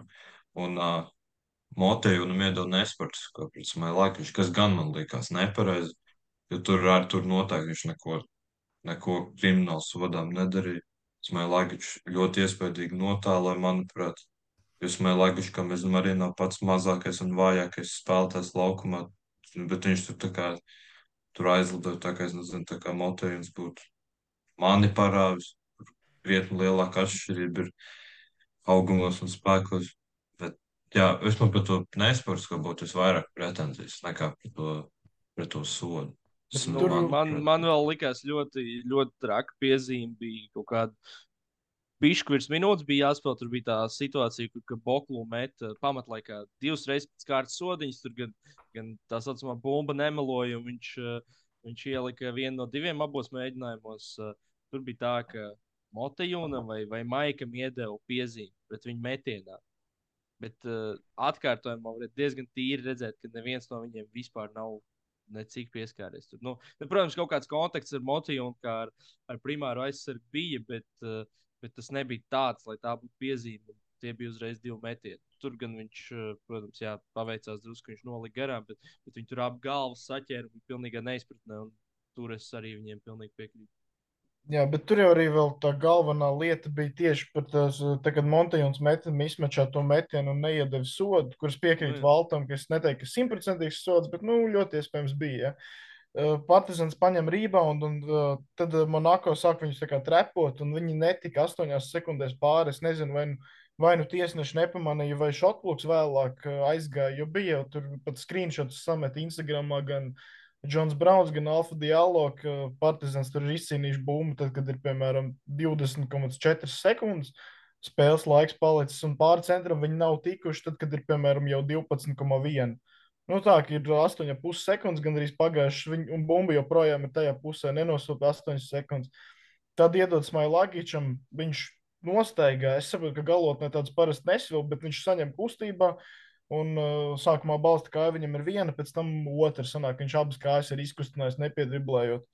Un tad vēl nosūta to piezīmi pret Smailagiču. Nu, tā, ka vienkārši secīgi kaut kādas trīs lietas pēc kārtas nenosūta. Monako 8 sekundes nenosūta, nostaigāt, nenosūta, sodu nenosūta. Un par to jau tas lielais cepiens. Ne tikai tas, ka tur vienkārši pirms vai pēc tam kaut kādas viena piezīme vai divas. Vienkārši tas tiešām trīs pēc kārtas epizodes bija. Un viņi tur visi Instagramā viens pēc otra uh, cīnījās par taisnību, teiksim tā. Jā, bet īstenībā nu, šādos gadījumos, uh, nē, es saprotu, ka viņi cīnās par taisnību un tā tālāk. Tā ir īstenībā vislielākā problēma. Tur neko nevar izmainīt. Nu, Tā ir. Jā. Var arī gadīties, piemēram, bet visādi var būt arī tā, piemēram, ka spēle noslēdzas neizšķirta, vienai komandai noņem punktu. Es tieši šo gribēju gadi. jā. Ir visādi, visādi gadi ir bijuši. Bet labi, ar tām tiesnešu kļūdām vai kļūdām, nekļūdām, vienmēr tas ir praktiski diskutēji. Un, bet un, un šeit, nu, tu neko nevari izdarīt, tiesneši kļūdās. Neko. Un Visi tur uzreiz, kā principā sāk, sāk spēlēt nākamajā epizodē, tā tev viss ir beidzies. bet Un, Paldies. tas, tas, ka Monako prāta noturēt tās astoņas sekundes, tas īstenībā tā kopumā, nu, tajā sekšanā pa visu laukumu, tas, laikam, kopumā ir tāds, eh, gribētu teikt, sasniegums neliels viņiem, jo uh, futbola terminoloģijā runājot, uh, viņi vispār tās pēdējās minūtes spēlēja ar, uh, gan pamatlaikā, gan, papildlaikā ar tādu ļoti augstu līniju. Uh, tāda augsta presinga sēdz, un tur bija tas vienkārši pāris epizodes, kur uh, viņi vienkārši tur garie, kas ir kā, kā pēdējie cilvēki, centra aizsargi, nenokomunicēja. Un, un Partizāns kaut kāds divs vai trīs vai možda pat četras reizes tika pie tiešām super lētiem un viegliem punktiem ļoti ātri. Un tas, jā, tas bija tā interesanti. Kaut kas vēl par šo? Jā. Ne tik ļoti tā, var, varbūt ne tik ļoti tā viņu. Es, es neesmu tā epizode, tik ļoti skats. Man liekas, tur nekas tā kā viņi nekāds brīnums nedarbojas. Partizans kā jau parasti tādā situācijā, tu piebramzē nedaudz. Viņi piebramzē daudz varbūt. Un, un, tur vēl, vēl tā piespēle līdējiem aizgāja, man liekas, pilnībā uz stūri, ka viņš tā kā, nu, viņš nedabūja skrējienā, viņam nācās apstāties un tā kā uz atpakaļ drusku paiet. Nu, tur, jā, nebija tā, ka brīnums viņa darīja, bet, piemēram, salīdzinot citām aizsardzībām, kur viņi tiešām atdeva pilnīgi vieglus, lētus punktus, jā, tā bija. tā piekrīt, jā. Tu varbūt pie kādas citas, A12 kādas spēles. Man, Virtus Barcelona varbūt, vai, vai kaut kas cits. Nē, man īstenībā jautājums, jūs, jūs baigi gribat runāt par FS, jo es vienkārši gribu pateikt tīri to, ka Šeins Lārkins principā izglāba Erdemam Džanam darba vietu. Jo bija jau tās runas, ka viņam šī ir izšķiroša nedēļa, un, un viņi redz, kā viņi iziet ar 2-0, pārsteidz panatu un, un galotnē nolauž albu. Un, un tagad jau atkal viss uh, Stambuls uh, tajā zi, zi, zili sarkan baltajā pusē izskatās jau tā rožainā. Jā, vēl Tas ir svarīgi, īstenībā ka diezgan, diezgan smieklīgi, kad tu saki, izskatās diezgan rožaini. Tas bija vienā teiksmā ar vārdiem galotnē nolauža albu. Tas ir diezgan depresīvs. baigi ir komandas, kas uh, Bet- kuras bet- galvā. Nē, nu, ir, ir, ir tādas, kas ka ir tādas, jā, kas zaudē, bet kopumā tev nevajadzētu galotnē nolauzt albu. Nē, albu bet, nolauzt bet, bet pirms ja mēs tā, spēles. ja mēs Zinot tā apstākļus. zinot apstākļus un, un visu to tā vēl izbraukuma spēle, double game, tev tur puskomanda ir ārā. Nu, Albai arī puskomanda ir ārā, bet tas nekas. Un, bet es tik vienu lietu gribu īstenībā tikai par, par šo Albas un, un uh, FS spēli pateikt. Es to spēli es skatījos, jo man tur bija divi fantasy džeki, možda pat vairāk bija, bet nu, viņi bija tādi divi galvenie - Johannes Stīmans un, un Šeins Lārkins. Un, uh, nu, tā bija tiešām super performance abi izpildījumā. Un, un bija vienkārši brīži, kur, kur reāli Šeins vienā galā ieliek trīni, Johannes otrā atbild ir kaut kāda 2 plus 1 vai, vai vienkārši kaut kāda dominējoša darbība. Tur bija šī tā back and forth, kaut kāds vienkārši pāris uzbrukums. Tas bija, jā, tiešām bija tā, tā ļoti interesanti. Par Johannes Tīmanu es kaut kādā brīdī arī gribēju pieskarties. Tagad Jā. varam likt uz to. Bet uh, vienkārši arī jāpiemina, arī, ka um, Ergins Atamans atgriežas Stambulā. Nu, kur nu vēl labāk, FSM puses komanda nav, ka tev tikai par šeinu būtībā jāuztraucās. Nu, labi, Tomsons vēl un, un kaut kādi garie spēlētāji, bet nu reāli. Puses komanda nav, tu atbrauc uz Stambulu, tev lieliski iespēja apmēram parādīt, ka tu esi dzīvē ticis tālāk un uh, kaut kādus soļus uz priekšu veicis. Un, ka tu tiešām tiksi plēfos un spēlēsi Final Four, tā kā tu saki. Un, un tad vienkārši Anadolu FS uzvar un Atamans brauc tālāk uz Madridi. Pie, nē, uz ma paliek, ma brauc uz mājām, bet uzņem Madridi. Tas ir tas, kā ir. Var, es varu, es varu jums īstenībā ieplakot tieši par Erginu vienu, sauksim to par Lebronu statu. Uh, es klausos vienu podkāstu, kurš šāds tiek izmantots, lai pateiktu kaut ko ļoti random. Tātad kopš momenta, kopš momenta kad uh, Ergins pateica, lai fani pērk biļetes uz Final Four, viņi ir veiksmīgi dabūjuši 0-3 bilants kopš tā brīža. zaudējuši visu, no kurām ir. Es neatceros, tas F, tas F bija mājās, vai ne? Bet, Izbraukumā. Efes izbraukumā Stambulā. bet nu, labi, jebkurā gadījumā fakts kā tāds, viņi zaudēja trīs spēles pēc kārtas. Uzreiz, kā Erģis pateica, lai pērkam biļetes, tūlīt tās vizos, celsim titulus ārā. Bet, jā, tas tāds vienkārši tāds interesants fakts. Lebrons tāds. Bet, Labi, bet, par uh, kuru spēli tad? Es gribētu Panatinaikus reāli. Bet kas jums ir? Jā, bet skaties, viņi, ka- kam viņi vēl zaudēja? Efesam, Reālam. Šonadēļ, Partizan. jā, un pirms tam Partizan, Apart- kur viņi starp citu, Partizānam viņi vēl nolaida pārsvaru. viņi kaut kādu astoņus punktus izlaiž divās minūtēs. Un es par šo par Partizanu gribēju teikt, tas īstenībā ir mājās ar viņu rokraksts. Vienkārši uzkurināt tribīnas un sīvā galotnē, iespējams, pagarinājumā, vienkārši atrast veidu, kā salauzt spēli, uzvarēt. Un, un, jā, Tā, man liekas, kopumā, kopumā lieta ir tādām komandām. Tev viņus vajag ļoti svarīgi. Pirmkārt, viņam neļaut spēles pašā, pašā sākumā rādīt, rādīt kaut kādus brīnumus. Un tev, tu nevari atļauties nonākt līdz sīvai galotnē. Jo sīvā galotnē tur visi, gan, gan Panthers, gan ne- Ledējs, PJs Dožers vai vienalga, tam ir punkti, kaut vai Jāramaz, viņi visi sāk pēkšņi brīnums rādīt. Viņiem visiem ir tikai tūkajā plus 10 overalls, visiem uzreiz klāt ir visu, visu kļūst uzreiz krietni labāk. Tu vienkārši nevar tur nonākt līdz sīvai galotnē, jo tu visticamāk neuzvarēsi tikai, tu tiks tik tālu. Un, un jā. Panatinaikus viņam principā, jā, tas izlaist to pārsvaru. Tas, jā, tā kā tu izlaid, tad jau principā viss skaidrs. Es neatceros, tur bija pagarinājums vai nebija. Bija, liekas, bija, bija. Bija, jā. Tajā Nu, tagad pagarinājums. Tu tur neuzvarēsi pagarinājumu, būsim godīgi. Nē, tur Jā. viss ir beidzies tajā brīdī tiešām. Nu, jā, jā, tā kā šo lēju spēlē, vienkārši ņemt vienu punktu nost un beidzam.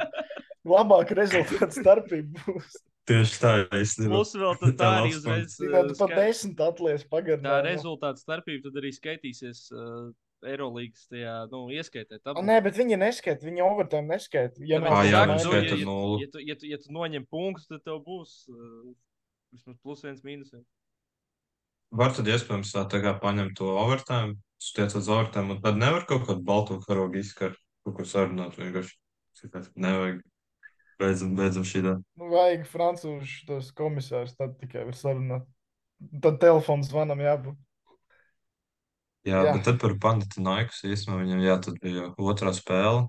Tad bija ceturtdienas vakarā, Udņēm mājās, Madrids Reāli.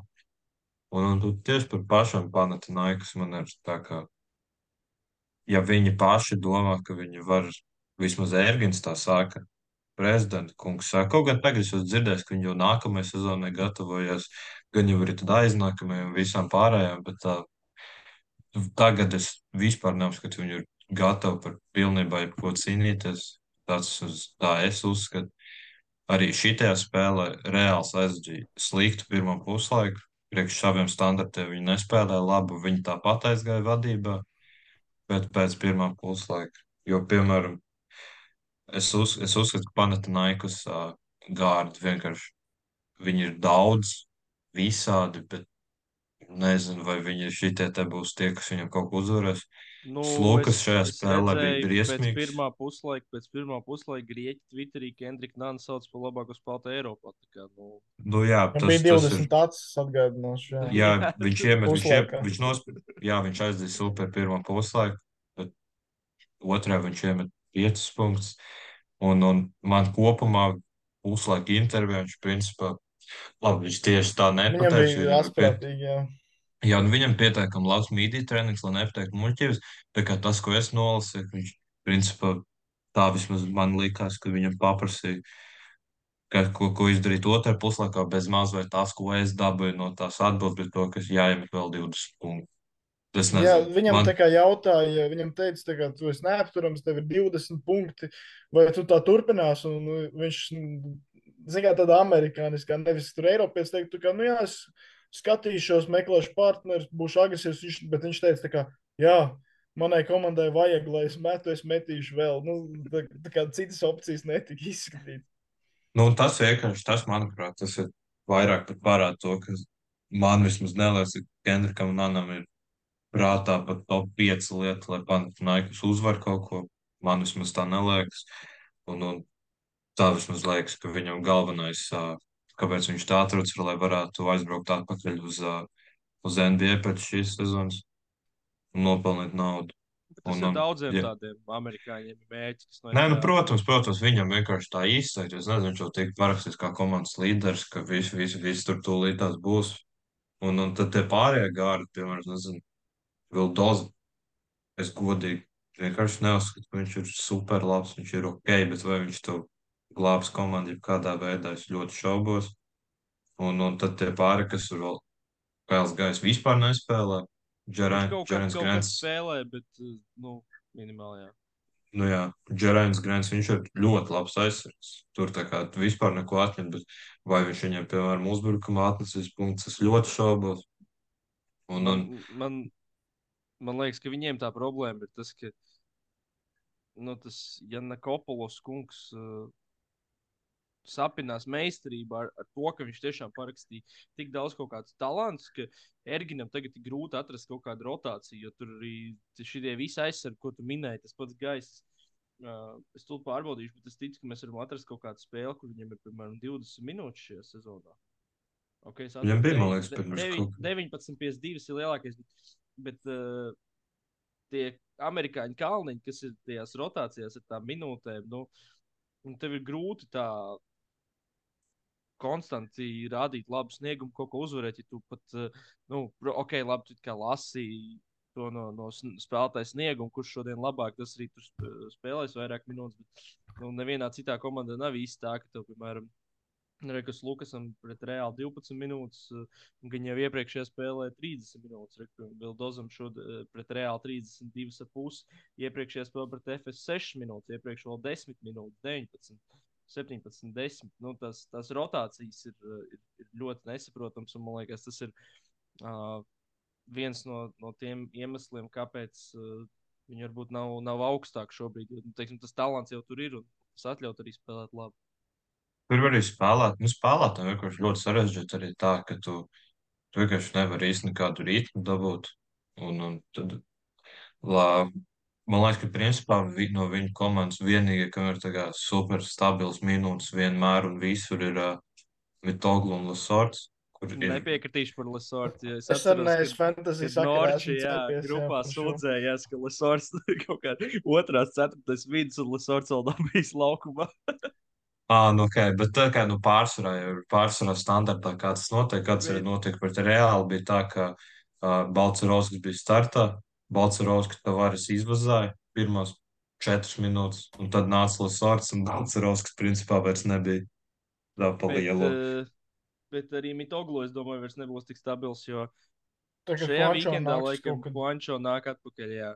Jā, bet tā, starp citu, Juancho bija īstenībā diezgan interesanti, jo viņam, uh, viņš, uh, tā, kad viņš satraumējās, tas pirmais tainots bija, man liekas, uz janvāra vidu vispār, ka viņš būs atpakaļ, viņš tagad būs, tu būs vesels mēnesis no tā laika nogriezts nost.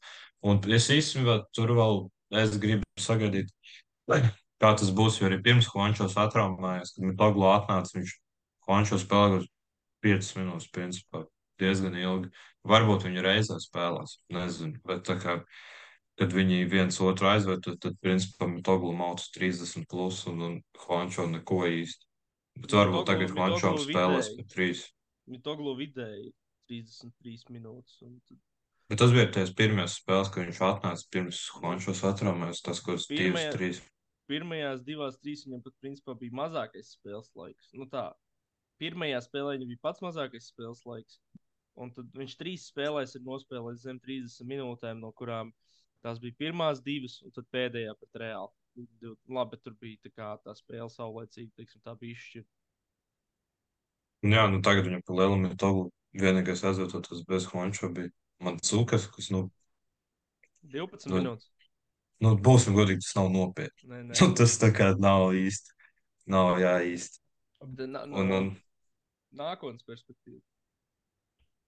Jauns ir? Es nezinu, Jā, godīgi. viņam 20 gadi. ir. Ah, ok. Man liekas, ka man liekas, viņš ir viens no tiem Viņš grieķiem. kaut, kuriem- kaut, kaut kādā brīdī ir viņš 30. baigais, baigais super talants. Uh, kaut kā, labi, pagaidām nav vēl salicies.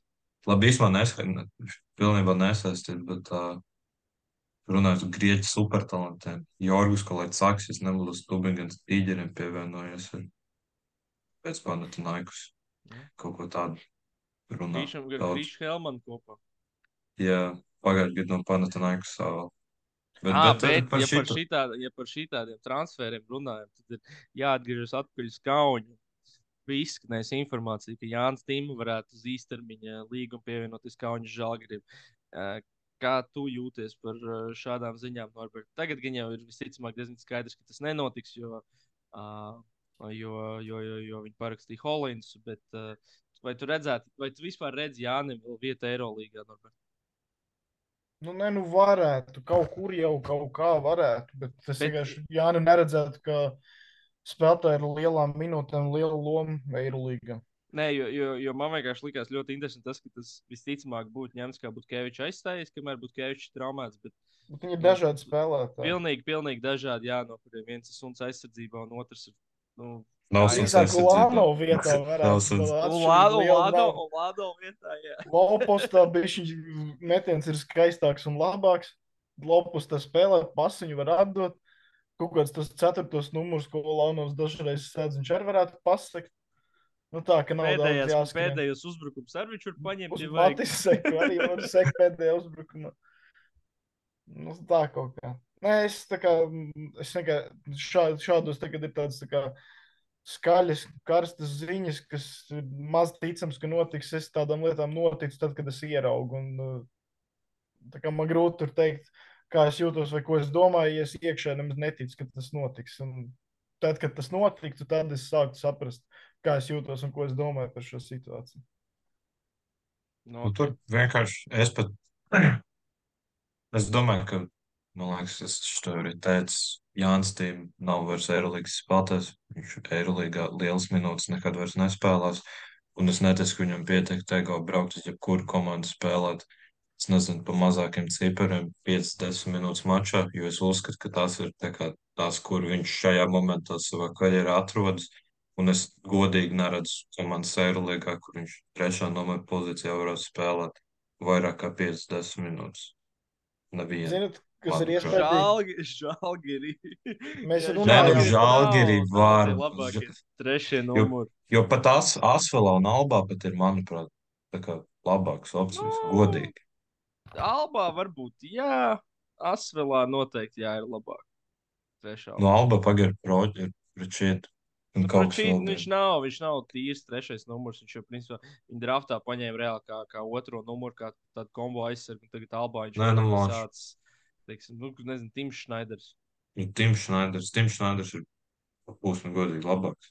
Manuprāt. Labi, Nē, tas nu, nav, tas nav, Tas, tas- tas, nav, tas- tas nav tik izteikti, kā, piemēram, Timotē Luvavu Kabaru. Piemēram. Nē, protams, labi, tas ne šeit, ne šeit, ne tur. Tā diskusija tur neko daudz. Jā. Es kaut pie reāli Paulam bija pēdējā ko es gribēju pateikt, kas man ļoti ne, nepatika beigās.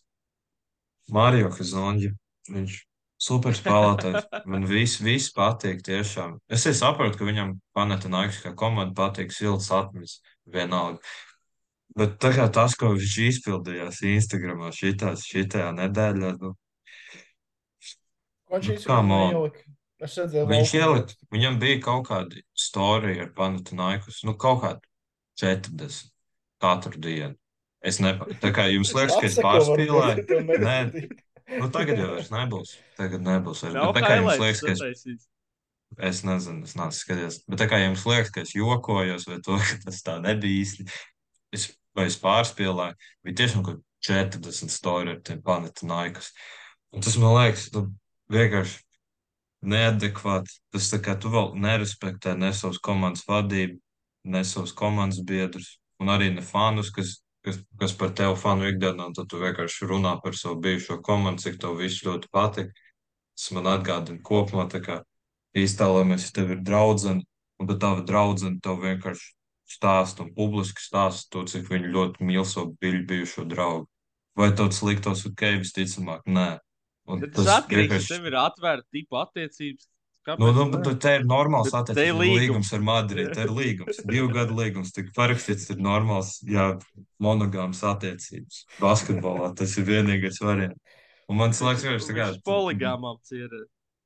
Un Tas man liekas, ir nerespektējuši par to komandu, kas tev maksā naudu un par jā, komandas biedriem, faniem, principā visiem iesaistītiem. Es saprotu, pāris stāstus ielēs vai kaut ko tādu, to, to prieks atgriezties, bet nu, tad ne jau pilnu piemaukt visu.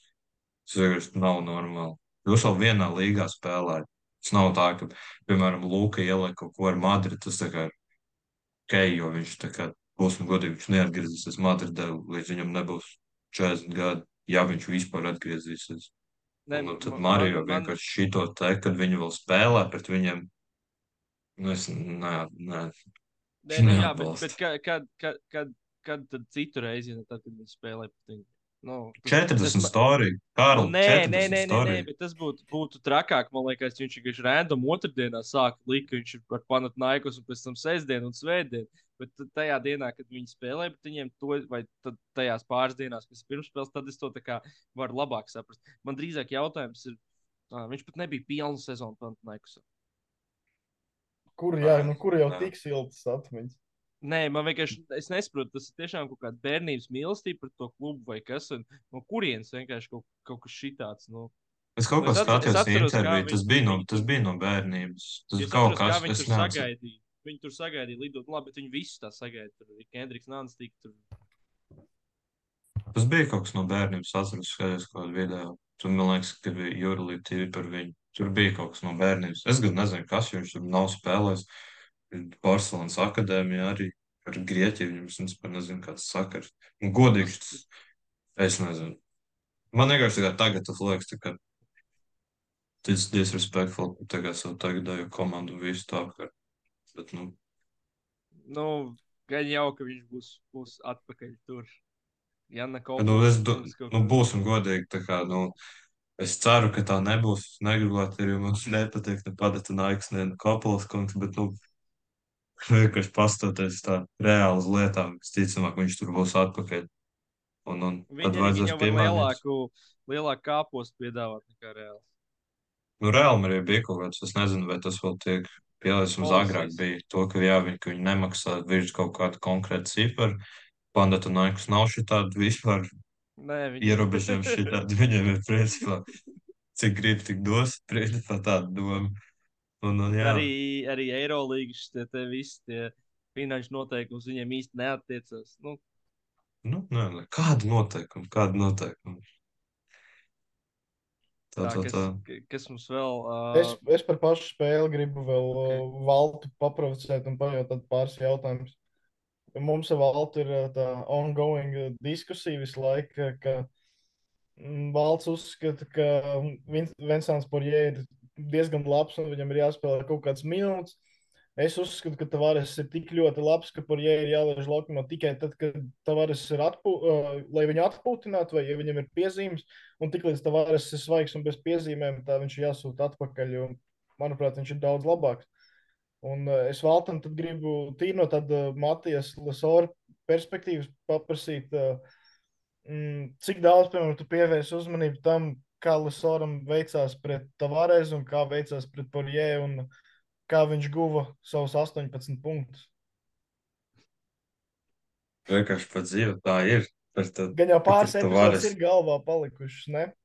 Nē, nu, pret Tavares, centriem ir grūtāk, tā ir. Bet, nu, tāds, piemēram, ja mēs runājam par jē, viņš tā kā nav tik garš kā Tavares, viņam var pārdankot pāri.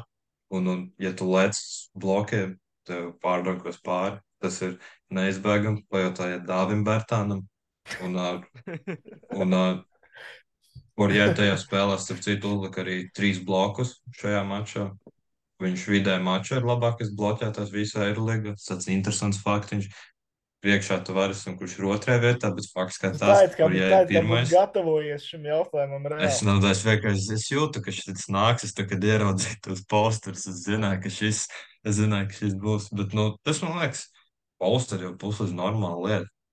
Es vairāk net, net, net par to, ka iespaidīgas epizodes, bet, piemēram, es vienkārši teiktu, pateikšu, Lasovs iemet uh, 18 punktus tajā mačā. Uh, 15 no tiem viņš guva tad, kad uh, Porjē ir laukumā, no kuriem uh, bija gan uh, vienkārši pick and roll uz rolu iedod, un viens dribbles vai pat bez dribble dunks vai jāla jūps, nu visos veidos, kā vien vēlas. Būtībā pret Porjē tika gūti 15 punkti, tad, kad Tavares bija laukumā, tad tika gūti 3 punkti. Un, uh, arī tas, ka, piemēram, ja Porjē spēlētu kaut kādu step out, tad es neheitot, jo, piemēram, tu uzliec virsū mazajam, garais tur tev aizraujas kaut kur aiz muguras, ja nu kādam ir jāpalīdz, varbūt ne līdz galam tā ir tava atbildība. Bet uh, par jēgu stāv sodu laukumā, sedz flatu, un tad būtībā viņa vienīgais uzdevums ir neielaist lejup vai danku pikantrolā. Un katru reizi vienīgais, ko viņš ielaiž, ir Lesora danks. Vai nu no Alija, vai no Bounce. Tas ir tas, kas tiek ielaists. Un tā varas uz... Lesora izsmērē pret dēlu, un tur bez variantiem Lesors guļ uz zemes pēc ceturdaļas. Nu, tāda bet, bija atšķirība. Manuprāt. Bet es tev varu, es tev varu pateikt vēl divus argumentus šim, šajā visā stāstā. Es nesirdos, ka tavares ir labāks. Skaidrs, ka viņš ir labāks. Bet vienkārši viņam ir daudz vieglāk arī nosakt to flētu vai ko, jo viņam rokas Jā. ir pusmetru vēl uz katru pusi. Bet plus vēl pie tā visa, es atgādināšu, ka Tavares ir starters un Porjē nav starters. Ko, ko tas nozīmē? Ko, tā kā es to varu iztulkot, ko tas nozīmē. Spēlē pīkanu pretinieks. Ir atšķirība, vai to pretinieku mazo spēlētāju sadz Kampaco vai Juļs. Juļs neko nevar nosakt. Būsim godīgi. Principā tur īsti ne, viņš nav vispār spējīgs. Un, un tev nav bijis vieglāk sekot pikantrolu, ka tas mazais spēlētājs, kurš ir otrs aizsargs, ka viņš ir labs aizsargs, nevis ka viņš tā kā viens bloks un viņš tā kā nav vairs redzams vispār pazudis, nu, pazudis no kadra ārā. Nē, bet, bet tādā weekendā aizsardzībā jau kam pats vēl nav, teiksim, labi, viņš tur tos screens labāk navigētos un tā, bet piemēram, nezinu, ja tur kaut kāda maiņa notiekās, nav tā, ka viņš tur, jā, viņš vai Juļs pret Lasortu pilnīgi vienalga. Jā, jā, bet tad, es saprotu to valtu punktu, ka tur tāds kam pats var retāk ieķersies blokā un mazais spēlētājs. Nē, tas nav, tas nav retāk, tas nav retāk. Tas ir to, ka Juļs vienmēr ieķers blokā. Nu, jā. tas nav retāk, viņš visas reizes ieķers blokā. Pačiko ir teikuši, šī te pāla spēle. Es neticu, ka tur būs daudz epizodes, kurš neieķer blokā ka viņš tā kā normāli tiek plus mīnus līdzi. Jā, divas lietas vēl par Kampaco, ka es ievēroju, ka viņš tā, viņš ir daudz ko tiek palaists sveikā cauri no tiesneša puses, ka viņš māk tā uz robežas, zin, kā viņš maziņš ir, tā, ka viņš tur izsit tās bumbas vai kaut kur bišķiņ pietur vai kaut ko viņš māk tā viltīgi, tā ka, nu, tu baigi neredz, bet Nevēl tagad tur balsoja visi, kas ir netīrākie spēlētāji līgā. Tur Kaliničs, protams, bija topā, bet tur, kam pats arī daudz spēlētāju balsojumā bija augšgalā. Un es ievēroju, ka viņš tos rollers, nereāli. Viņš tā kā pietur, bet tā viltīgi, Jā. tā ka vienreiz spēlē viņam nosūpi. Pārējās tur reizes īsti nenosūpi. Un tā, ka nu, viņš nevar pat īsti ierolot, bet tur īsti neredz, ka ir sots. Un tā meistarīgi. Un otra lieta, es iesaku visiem nostīties basketņu uz ieliku labu video. Uh, par to, ka vai mums Eiropā ir NBA komanda un tā kā referents uz Real Madrid, to kā viņi spēlē un tam līdzīgi man ļoti patika. Un es tur arī daudz, tur bija daudz highlight, vēl kaut kā viņi saprot, kādas plēšas spēlē, un tur bija arī, ko es ievēroju no kam pats, tās piespēles, daudz, kuras viņš dod. Viņš dod dekam. nevis spēlēt, nu, dekam vienmēr, jā, tad viņi sapratīsies, bet uh, viņš dod piespēles nevis spēlētājiem, kur, kurš ir brīvs, uh, piemēram, zem groza, bet tam, kur aizsargs ir ar pakausu pret kam pats savu, piemēram, nu, es nezinu, Deks stāv pie groza un uh, viņa, piemēram, toplako un aizsargs ar pakausu pret bumbu un neredz, tad uh, kam pats savu tieši gar viņa pakausu lidina vienkārši bumbu, un Deks pēdējā brīdī noķer un iemet. Nu, tā, ka, ja aizsargs neskatās uz bumbu, viņš tiek uh, izmantots uzreiz tajā mirklī, vienkārši kam pats savu paļaujas, ka aizsargs nepagriezīsies, nepārķers bumbu, un tad sanāk ne no kurienes it kā deks nav brīvs, bet pēkšņi viņam ir lejups. Un šitā visiem, kā, ja kā pats jau driblē, aizsargs nedrīkst pagriezt pakaus, jo citādi vienkārši sekos piespēl tavam cilvēkam būs lejups. Nu, vēl plus, piemēram, tieši šī tajā svarīgi vēl tas, pirmkārt, deks, viņš viņu tā kā tik labi zina, un viņš principā zina to, ka tad, ja viņš redz, ja viņš redz tā kā sēju aizsargam, tad, kā pats redz pakaus, un tad viņš zina to, ka tā kā viņam būs metiens tulītās. To, ka, jā. Jā, ka viņš, viņš ļoti labi to jūt. To tieši, un, un tur, man liekas, tā ir vienkārši tā, tā kā ka spēlētāja kvalitāte, ka viņš tā kā tas tieši, ko teica, ka viņš kā, dod nevis brīviem, bet tur, kur būs brīvs. Jo šī tādā līmenī arī tev spēlētāji nebūs brīvi trīs sekundes. Tev būs viņa brīvi iespējams uz sekundi, kurā laikā tev viņa ir jāatrod. Un tad to viņš arī visu lieliski dara. Bet īstenībā atbildēs basketņus jautājums ir NBA komanda Eiropā. Atbildi ir nē. Diemžēl. Bet nē. Nu, droši vien vienkārši tas tāds arguments varētu būt, ka tāds Kendriks nāca atnāk halfā iemet 20, un tad eh, NBA tev ir ļoti daudz tādu spēlētāju, kas, ko būtu grūti nosakt, jā, teiksim tā. Bet uh, ir vēl mana mīļākā organizācija, Detroits Pistons, kas uh, novembrī neuzvarēja nevienu spēli. Nopietni. Nu, Jā, es redzēju, nav kaut es redzēju, kaut 20 kādu, es, redzēju, es redzēju kaut kādu mīmīmu šodien. Jā, viņiem ir kaut kāds jā, 19, 20, Um, 12 kārtas. Es redzēju, zinu, kādu mīmu, Kristija, tev ļoti patiks, ka līgas nāk, nākamie desmit gadi, un līgas nākotnē Jā, ir jā, ļoti jā, drošās jā, jā, jā. rokās, un tad Šito vienkārši foto tur Vembaņāma, Čets un Lebrons. Jā, jā, vēl kāds. Nu, vēl kaut kas, Tā jā, ir, jā, nu, jā. tomēr visu Nākamie laiku, desmit gadi ir drošībā. visu, visu laiku jaunākais NBA kausa fināla vērtīgākais spēlētājs. Tieši Bet- tā. Mēģina AD bet 40 plus aizvadīti- 20 ielikt aiz, nu, labi, tas jau ir par, par, par visu turnīru. nu, jā, jā, jā. Bet uh, uh, ir viens, uh, es nezinu, vai tā var teikt, ka Lebrona rekords ir kritis vai kā, bet Bronijs Džeims pagājušajā naktī pārspēja savu tēvu uh, rezultatīvitāti NCAA. Viņam, lai to paveiktu, vajadzēja tikai vienu spēli. Kā, nu, tur es redzēju, Twitterī jau rakstīja, visi, ka tas ir legreitnes. Iedzims. Tas citu vārdu dzirdēt, kā viņš sasprast. Šo atstāsim, es ne, neminēsim pūlis. okay, es sapratu, jā, laikam. Bet tad Jā, bet, vēl no Eirolikas īstenībā. nu, Baskona, Baskona. Baskona. galotni tur mums bija. Ah, nu, ap, par reālu olimpiāku jūs neko negribat. Ja es tajā spēlē, man liekas, arvien vairāk sāku saprast to, kāpēc eh, tie citi garie spēlētāji vispār netur līdz Tavaresam. Jo, piemēram, tāds Mustafa Falks praktiski tika tajā divcīņā izslēgts ārā no spēles. Nu, tā palielam. Bet labi, tur, tur laikam nav, nav baigi daudz ko, ko runāt par to. Vienkārši Baskonī Feners. Jā, es gribētu īstenībā par galotni. Es gribētu šo spēli galotni nosaukt tieši jā, Marko Guduriču vārdā. Jo, principā, viss, kas notika galotnē, bija, viss bija caur viņu.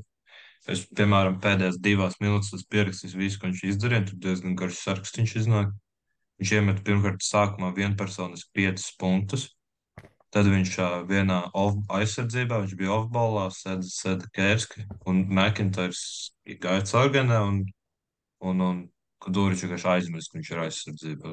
Viņš tikai tur bija pusmetru no McIntyre kā nekontestēja nekādā veidā. Un, un pret Markus Hovardu pēdējais metiens, ko Hovards iemet trīs ar sodu. Es gribētu uzsvērt, ka Guduričs iespējams aiz... Tā bija varētu būt kāds debilāka epizode, manuprāt. Nu, vismaz ļoti labs kandidāts. To tā kā grūti kaut ko izdomāt. Vislabāk man patīk to, ka viņš kā jau kā s- savas tautas pārstāvs bija neizpratnē, par ko ir sots vispār. Kāpēc? Kā, ko, ko, viņš, ko viņš izdarījis? Ir. Tas bija tā, ļoti tā, ļoti tā kā pieredze gan viņam, gan nu, varbūt vispār Feneru organizācijai kā tādai. Visiem, protams, viņam. Un, un plus PVS vēl pašā galotnē viņš centās kļūt par varoni. Un uh, trīs sekundes pirms beigām pie mīnus viens tika izmests stebek trojka pāri no nekam, ja es nemaldos. Viņš aizgāja līdz trojkai, un tad atkāpās, kad metru divas aiztrojkas, un tad no turienes pie mīnus viens izvēlējās, ka ir tādā veidā, ka tas ir labākais risinājums, kā mēģināt dabūt uzvaru. Bet Fans man ir, man ir jautājums, man ir jautājums. Vai jums šis te viss nosauktais neliekas raksturīgi Duričam? Jo es Ir, jā. ticu, ka mēs, mēs, nu, mēs varētu, es nevaru tagad neko konkrētu nosaukt, varbūt izņemot pasaules kausa finālu, bet uh, tīri tādā sajūta līmenī ir tā, ka viņš ir, piemēram, tam Feneram, go-to, viens no go-to gāja, viens no go-to džekiem. Galotnē, nu, teiksim, kad ir crunch time, ir pēdējās divas minūtes. Viņš nezina, piemēram, ielēja kaut kādu grūtu metienu, tur aiziet savā caurgainā uz kreiso roku, tur kaut kādu grūtu metienu iemet, vēl kaut ko. Viss, viss ir super, super, super. Tur komanda spēlē. Bet tad, kad pienāk kā no izšķirošajiem brīžiem, paši izšķirošākie, nu, kad tiešām pēdējās sekundes, tad viņam pazūd kaut kur tas klaģis gēns. Tā kā tad kā ir kaut kāds. Edgars dažreiz Bet Edgars kaut kur- nu jā, jā. gudrs, gudrs, varbūt ne precīzs, bet vismaz gudrs. Nu, man- tā pēc sajūtām vienkārši tā, ka viņš kaut kādos pašos, pašos svarīgākajos brīžos, tā teikt, mēdz norakt. Krietni plēfos kaut kas pat Olimpijāks vai kaut ko jaucu. Es, teiktu, es domāju, ka, ja mēs tā papētītu tīri konkrēti, Bet nu, tas tā, tā darbības, es domāju, pasaules tai- kausā. Pasaules kausā tas ir spilgtākais piemērs. Finālā. nu, tas, tāpēc, tas ir tāds, tāds ļoti nesens, bet es domāju, mēs tādu karjeras griezumu papētītu, man liekas, tā būtu tāda tendence, ko tas ir saka, tas sajūta līmenī, bet tā vienkārši šķiet. Nē, es piekrītu, man arī līdzīgs, līdzīgs tāds. Bet uh, Baskonī bija vēl viena ļoti laba galotne, kur uh, pret uh, Zvezdu nākamajā spēlē, kur uh, Cervēna atspēlējās galotnē. Tur uh, Gedraitis, bijušais Baskonijas uh, spēlētājs, uh, gandrīz viņus uh, tā teikt, noslīcināja, bet uh, viņa tas potenciālais game winners bija neprecīzs. Čim Monēka savāca atlikušo bumbu, tika pie diviem sodiņiem, pirmo nolika garām, un otrais bija viens no tādiem. Uh, ja valsts teica par to Guduriču, ka tas bija viens no stulbākajiem uh, plējiem šajā kārtā, tad es teiktu, ka Čims Monēks tas gājiens bija viens no tādiem gudrākajiem. Un, uh, redzējāt, ja jūs zināt, Jā, Jā, bet, bet tas, bet tas tāpat tāds ļoti risks, bet ļoti Nē, nu, riskanti, bija jo- riskants, bet tur Jo pirmkārt, tu 0,9 vari sekundes netrāpīt. bija. Nu, jā, bet tur. Nē, nē, es piekrītu, tas, tā kā, tas nav pats trakākais, bet tikai tas, kā viņš viņu meta. Viņš varēja tā kā. Viņš Viņš pirmkārt, tu, tu vari ļoti, jā, tu vari ļoti viegli, tu ļoti viegli vari netēvēt pa stīpu, vai tu vari iekāpt laukumā par ātru. Tā Bet kā man liekas, ja, vi- ja uzvarētājs parastam- netiesā. Nē, nē, taisnība. Nē, jo man likās, nu- domā, viss, kas var noiet greizi tādā, Nē, tādā nu, brīdī. Bija diezgan pieļauju, ka- daudz lietas. Es pieļauju, ka viņš nedomā tādās kategorijās. Visticamāk, ka viņš pat neapsver tos riskus, bet uh, man liekas, ka, ka tur vēl nostrādāja tas, ka viņš to otro sodiņu izmet tā kā salīdzinoši ātri, un viņš paņēma viņus uz pārsteigumu. Nu, jo, Nē, jebkurā, gad, jebkurā nu, gadījumā, teiksim, nu, viņš, viņš ir profesionāls basketbols, viņš, uh, viņš arī ir ok, sodu metienu izpildītājs. Nu, un es domāju, ka tā varbūtība, ka viņš trāpīs pa stīpu kaut kādā tādā veidā, bija diezgan augsta. Nu, viņi, protams, varēja neatlikt viņam tieši precīzi virsū, tur ielikt rokās kādam zvezdas spēlētājam vai kā. Bet, manuprāt, vienkārši fakts ir tas, ka viņi vispār nebija gatavi kaut ko tādu. Nu, viņš visus paņēma uz pārsteigumu, pēc tam arī forši nosvinēja, rādot šo te to, tās rokas. Tā, nu, tur, tur, nu, tā, redzējāt, ka viņš tur noskrēja savu smaidu, vēl kaut ko. Pēc tam tur sērbu dziesmas klausījās, ko tik viņš tur nedarīja. Tas tiešām tas ļoti interesants uh, tēls īstenībā šajā Eirolandes sezonā. Tas patīkams, es teiktu. Bet tur kopumā īstenībā man liekas, ja, ja viņš būtu vienkārši mēģinājis garām sodu. kā- Arī būtu sagarājis Ne- tikai drošāk. Jā, jo tur bija tik maz Nē, laika. Tur, nu, es īstenībā nezinu, cik tur bija. ā, 0,9, starp- man liekas, Viena sekunde. Nē, nē, punkts, 0,9. punkts, punkts. Divu punktu, Punkts divu ir. punktu, ša- divu punktu viņš abus nolika garām. Nu, Es domāju, ja nu, nu, labi, ja tas otrs tāpat bija jāmet garām, jā, bet man liekas, viņš būtu tā kā metis, viņu tā kā, kā parasti met no garām, jo šī tas tāds. Bet tiešām, ka tur tik daudz, kas labi, ok, Nu, man jau liekas, šitais, šitais, šitais bija drošāks risinājums nekā mest vienkārši garām. Jo es- pilnīgi, ne, tāpēc, ka 0,9 pilnīgi, tev paliek. Tev atstāt, man liekas, Tev tā, pilnīgi kad neviens- pilnīgi neviens- Tev jau nu jā, nu, pi- pilnīgi paliek neviens, laika. pilnīgi neviens, uh, pilnīgi neviens Baskonijas spēlētājs negāja cīņā par bumbu. Viņš tā kā pats izcīnīja. Nu, Nē, bet tā riskantā lieta ir, ja tu met tik strauji, tik asi un vispār Ā, nu, bez trajektorijas. Ja tu netrāpi pa stīpi, ja tu trāpi vienkārši vai nu tīkliņā vai vairogā. Es esmu piedalījies tur jaunas līgas un LBL2 mačos, kur džeki trāpš tā pa vairogu un tad otrā galā dabū uh, sāna out un tev jā, jāspēlē aizsardzībā. Nu, tas ir riskanti, jo, ja tu vienkārši met garām, nu, es nezinu, nu, 99,99%, ka tu trāpīsi pa stīpu, un kamēr viņš izcīna rebound, kamēr viņš met no otras galvas vienrocīt, nu, tu vēl vari kontestot, ja tu esi monēka vai kāds cits garais. Nu, man liekas, tas ir daudz drošāk nekā Nu, šķaidīt pa stīpu un cerēt, ka tu tiešām trāpīsi pa stīpu. Nu, es, Nu, es, šoreiz saku, es, es saku, ka bet viņš ir ok, manuprāt. 72% sodu metienu izpildītājs. Man liekas, saka, tā varbūtība manuprāt, bija gana augsta, ka viņš trāpīs pa to stīpu. Nu, nu, tā kā Man ir, viņš ir krietni, es domāju, ka droši izdarīt. Nē, nu, bet ir, nu, kāpēc droši piemēram, viņš būtu uzmetis tā, ka tur neviens neiet cīņā par bumbu, nezinu, viņš savāc uh, atlikušo bumbu no otras gala iemet Pār rokām iemest tā. Nu, Kam pāri rokām? Neviens jau nebija cīņā par bumbu vispār. Viss Baskonī bija atgriezies. Es... Nu, kaut tā pašam monēkam kaut vai. Nu, es nezinu. Nu, Man nē, liekas- liekas... man, man vienkārši liekas, ka šitais bija tāds, nu, ka tā varbūtība bija gana liela, ka viņš trāpīs pa stīpu. Nu, vienīgais jautājums, kur viņa tā bumba atliks, vai viņa atliks viņam rokās, vai viņa kaut kur uz sāniem atliks. Un viņi nebija Vienkārši gatavi tam tā vispār. cena ir, tā cena ir liela. Ja tev, Bet tev, ja tev nesanāk, ir, ja tev nesanāk, ir sānauts. Uh, bet, uh, ja tu vienkārši aizmet garām, tad uh, tu dzīvo ar otru galu metienu, nevis sānautu. Nē, par, to es piekrītu, bet es saku, man liekas, ka tiešām tā, tā varbūtība trāpīt stīpu tik liela. Nu, nu, es ticu, jā, var gadīties kaut kāds Nu, nevis, neveiksmes. nevis vēl kaut- 99%, bet 90%, piemēram. Nu, es tā Mm. teiktu. Nē, nu labi, labi tas nav. Nē, nu, vienkārši uzvarētājs netiesā, viņš uztaisīs Tā ir, skaistu jā. epizodu. Tā ir. Tā, kas mums vēl. Es gribētu īstenībā kaut ko pozitīvāku. Barcelona zaudēja vietas, nav skaisti. Apsveicam, apsveicam. ā, Kristiāna, kas to komentārs. Virtus īstenībā ļoti liela nedēļa. Savās mājās piemānīja gan Barcelona, gan Makabi. Divas pagājušā gada top 5 komandas. Nē, es vienkārši, es vienkārši, es vienkārši gaidu, kad, kad, kad sāks uh, citi viņiem noticēt.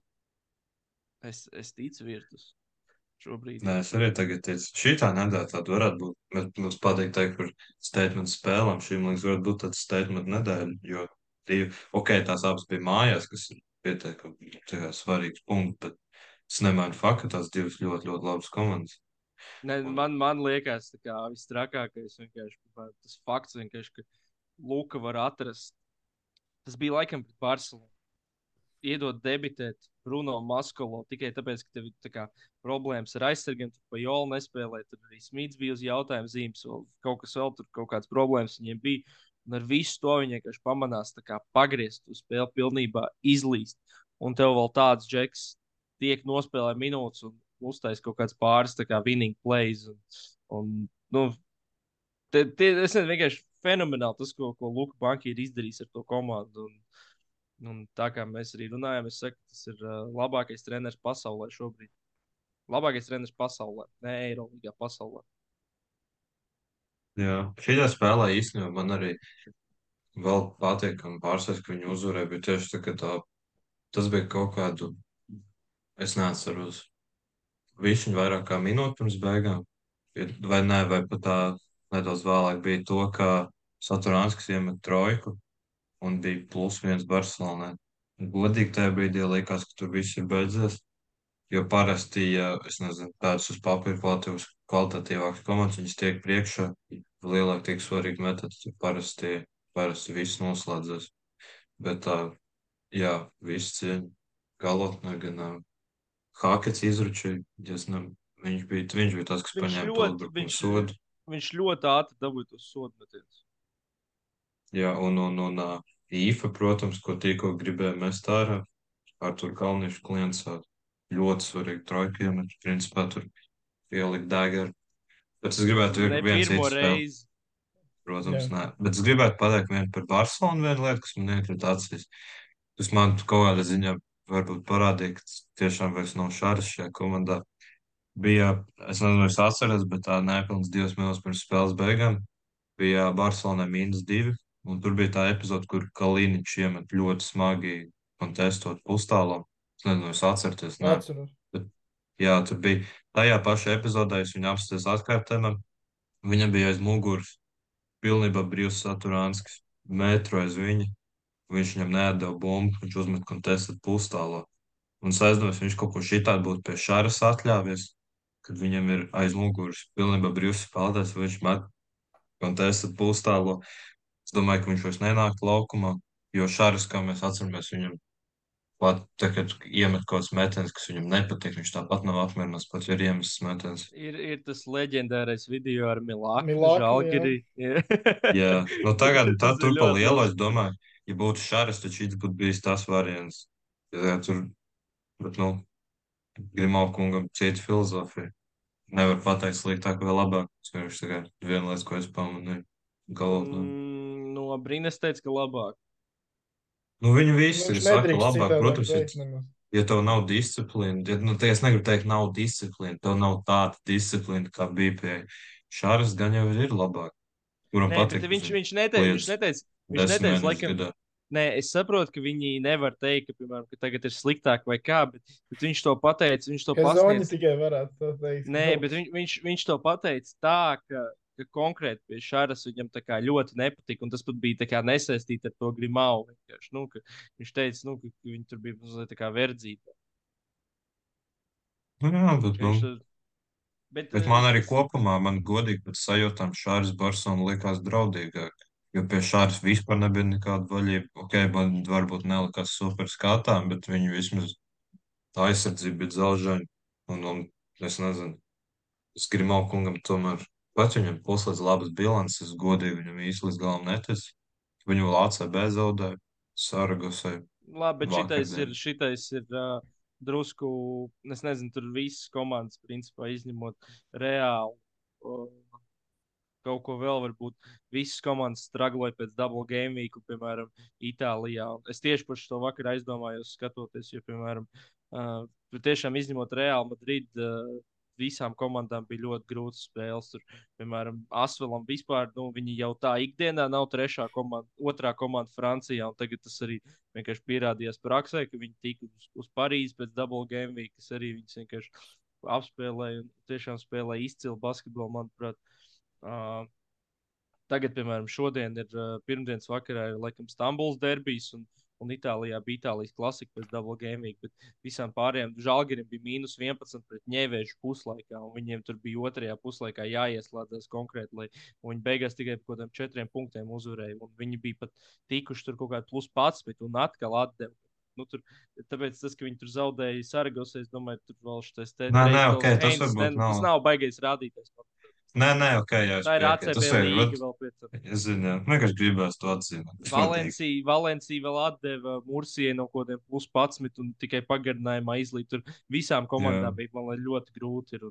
Tādā ziņā Nē, tas- Itālijas līgai un, un Turkiem ir var šautaut iedot to, ka viņi tās savas divas komandas saliek kopā, kas arī ir principā tā visobjektīvāk. Jo, jo reāli, piemēram, no Asvels viņi jau tā, nu, viņš jau Eirolīgā tiešām slāna katrā tajā spēlē. Tad viņi aizbrauc vēl nedēļas Jau tā grūti dab- cilvēki ir. Jā, Reāli viņi- grūti. Viņi, viņi vēl, viņiem vēl, zina, viņiem vēl nav tur visas tās problēmas ar lidojumiem, ar visu, un tad viņiem vēl uz galvaspilsētu jāaizbrauc, lai, lai dabūtu pērienu no, no vienas no karstākajām komandām Eiropā, kas tiešām kas spēlē nenormālā tempā, ar nenormālu pace. Nu, nu sāpīgi. Nu, tur tajā Francijā. Tas, Monakos Nu, tas no Leport, Leportel, kas nebija baigie grāmati. Tā ir. Bet vienkārši tas par to Barcelonu kā tādu, ka man viņa, es nezinu, tagad kad nav šāds, man viņa neliekas tik draudīgi. Jā, Es, es piekrītu, par to es pilnīgi piekrītu. ka nav tik Jo, draudīgi. viņi, tas pat, jo viņam pat ir labas bilances, tas pat nav īsti bilanču jautājums. Viņš tikai vienkārši man pēc sajūtām, tad, kad bija šāds, tad es tā kā, es nezinu, es zināju, ka nebūs vispār nekādas vaļības, viss būs ļoti nopietni. Varbūt viņi neuzvarēs titulu, bet vismaz regulārā sezonā būs visur bīstami. Tagad man godīgi nav līdz galam tādas sajūtas. Bet, starp citu, drusku off topic. Es pats ieminēju par to Arthuru Milāņu video, un tad es arī pie reizes ierakstīju Arthurs Milāņus. Viņš, diemžēl, šo sezonu vairs nav spēlējis. Iespējams, es neesmu uh, meklējis Twitterī, bet varbūt viņš pat ir beidzis karjeru. Pagājušā sezonā Tofašā, uh, jebkā klausoties uh, LU spēli, dzirdēja Tofu. Uh, tad uh, viņam 9 punkti vidēji bursas Tofašā. Jā. Vai tofu, varam saukt arī tofu. Uh, jā, uh, jā, kaut kā tā. Uh, kaut kas vēl, ja nē, es, es, es, gribu, es, gribu, es gribu savu topiku par Johanu Stīmanu, par uh, top 3 centra spēlētāju Eirolandā šobrīd. Es domāju, diezgan stabili. Es, pat, es nezinu, es reāli gribētu viņu šobrīd, saukt par labāko centra spēlētāju Eirolandā. Tam gan nepalīdz tas, ka, ka viņš spēlē zaudējušā komandā. Un, Arī tas, ka vienmēr ir tas Valters arguments. Es uzskatu, ka tieši šobrīd Johans Stīmans ir, ir labākais spēlētājs. Uh, Centra spēlētājs Eirolandā. Tātad sāksim ar to vispār. Painteresējos nedaudz pie zinātājiem. Viņa sezonas alga ir 300 tūkstoši. Latvijas čempionātā, Latvijas Igaunijas basketbola līgā ir basketbols, kas saņem vairāk. Vienā vai divos klubos. Ja? Vienā, vienā. Prometējs, Kalevs. jā. Vienā Nu, tikai. Nē, ok. okay. Kalevā noteikti. Nē, nē, nē. Nu, Kalevam ir labi. vispār. Kalevam ir ļoti, ļoti slikta situācija ar naudām. Un tur ir, jā, cerams, nenoies pa burbuli Igaunijas flagmans. Bet 300 tūkstoši. Johannes Tīman. Par to viņa. Par iekstiņiem reāli spēlē. Ir- Jā, kā Kristofers Valters teikt, tiešām par rīkstiņiem.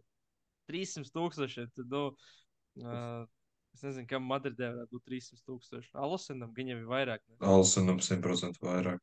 Man, va, Ndijājam varētu būt īstenībā 300. Bet nē, es domāju, viņam mazāk ir. Jā, bet, bet jebkurā gadījumā nu, tā ir vienkārši tas pienesums. Bet, uh, es domāju, ka mēs pat tā varētu iet cauri tiem sastāviem. Es domāju, ka nevienam nav tuvu tas pienesums uz attiecību pret cenu. Tas ir, Bet tas arī, Bet- bet es, es, es, es par to naudu gribētu tā pateikt, ka tas ir, pirmkārt, viņš ir, šo sezonu viņš ir vairāk uzspīdējis vēl nekā iepriekš, jo jāņem vērā, ka tagad viņš parakstīja to līgumu, viņam bija, principā, viņa tagadējos tāds sadala ar divi un aptuveni tādu viņam bija. Nē, Eirolīgais tas, tas Jā, tas bet- ir tā kā tas, Nu, ja būtu citā saka, komanda, ja viņš būtu aizgājis uz citu komandu, gan jau būtu dabūjis vairāk naudas jau tajā brīdī. Pirms, pirms sezonas bija piedāvājumi gan no Fener, gan no Milānas, bet tur Alba izvēlējās viņu nelaist. Nu, tā arī es domāju, no viņa pareizi, tā kā pat, ja viņam būtu iespēja. Milāna Feners gan jau neiet viņa vietā. Milāna Nē, es, es vienkārši. vienkārši acīm redzam iemeslu dēļ, un Feneram jau tā ir. Viņa komanda sastāv no gārdiem un centriem. Principā. Es, es, Tāpēc es vienkārši plānoju. Es nezinu, es, es domāju, ka Norčīgi jau nebūs ar mani, jo viņš vienkārši fantāziju viņu turpina ignorēt. Es vienkārši plānoju tā kā dibināt, mums ir Dafigā fanu klubu nodibināt, es Johannes Tīman tagad vēršu vaļā.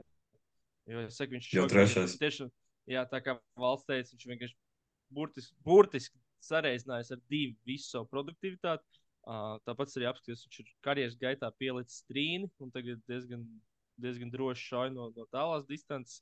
Uh, tikai vienā Eirolandes un vienā Bundeslīgas spēlē viņš palicis zem desmit punktiem. Nu, ok, Bundeslīgā, lai, lai būtu pavisam godīgs, ja viņš ir divās palicis, bet tajā vienā viņš četras minūtes spēlēja, tāpēc to vienkārši neskaitu.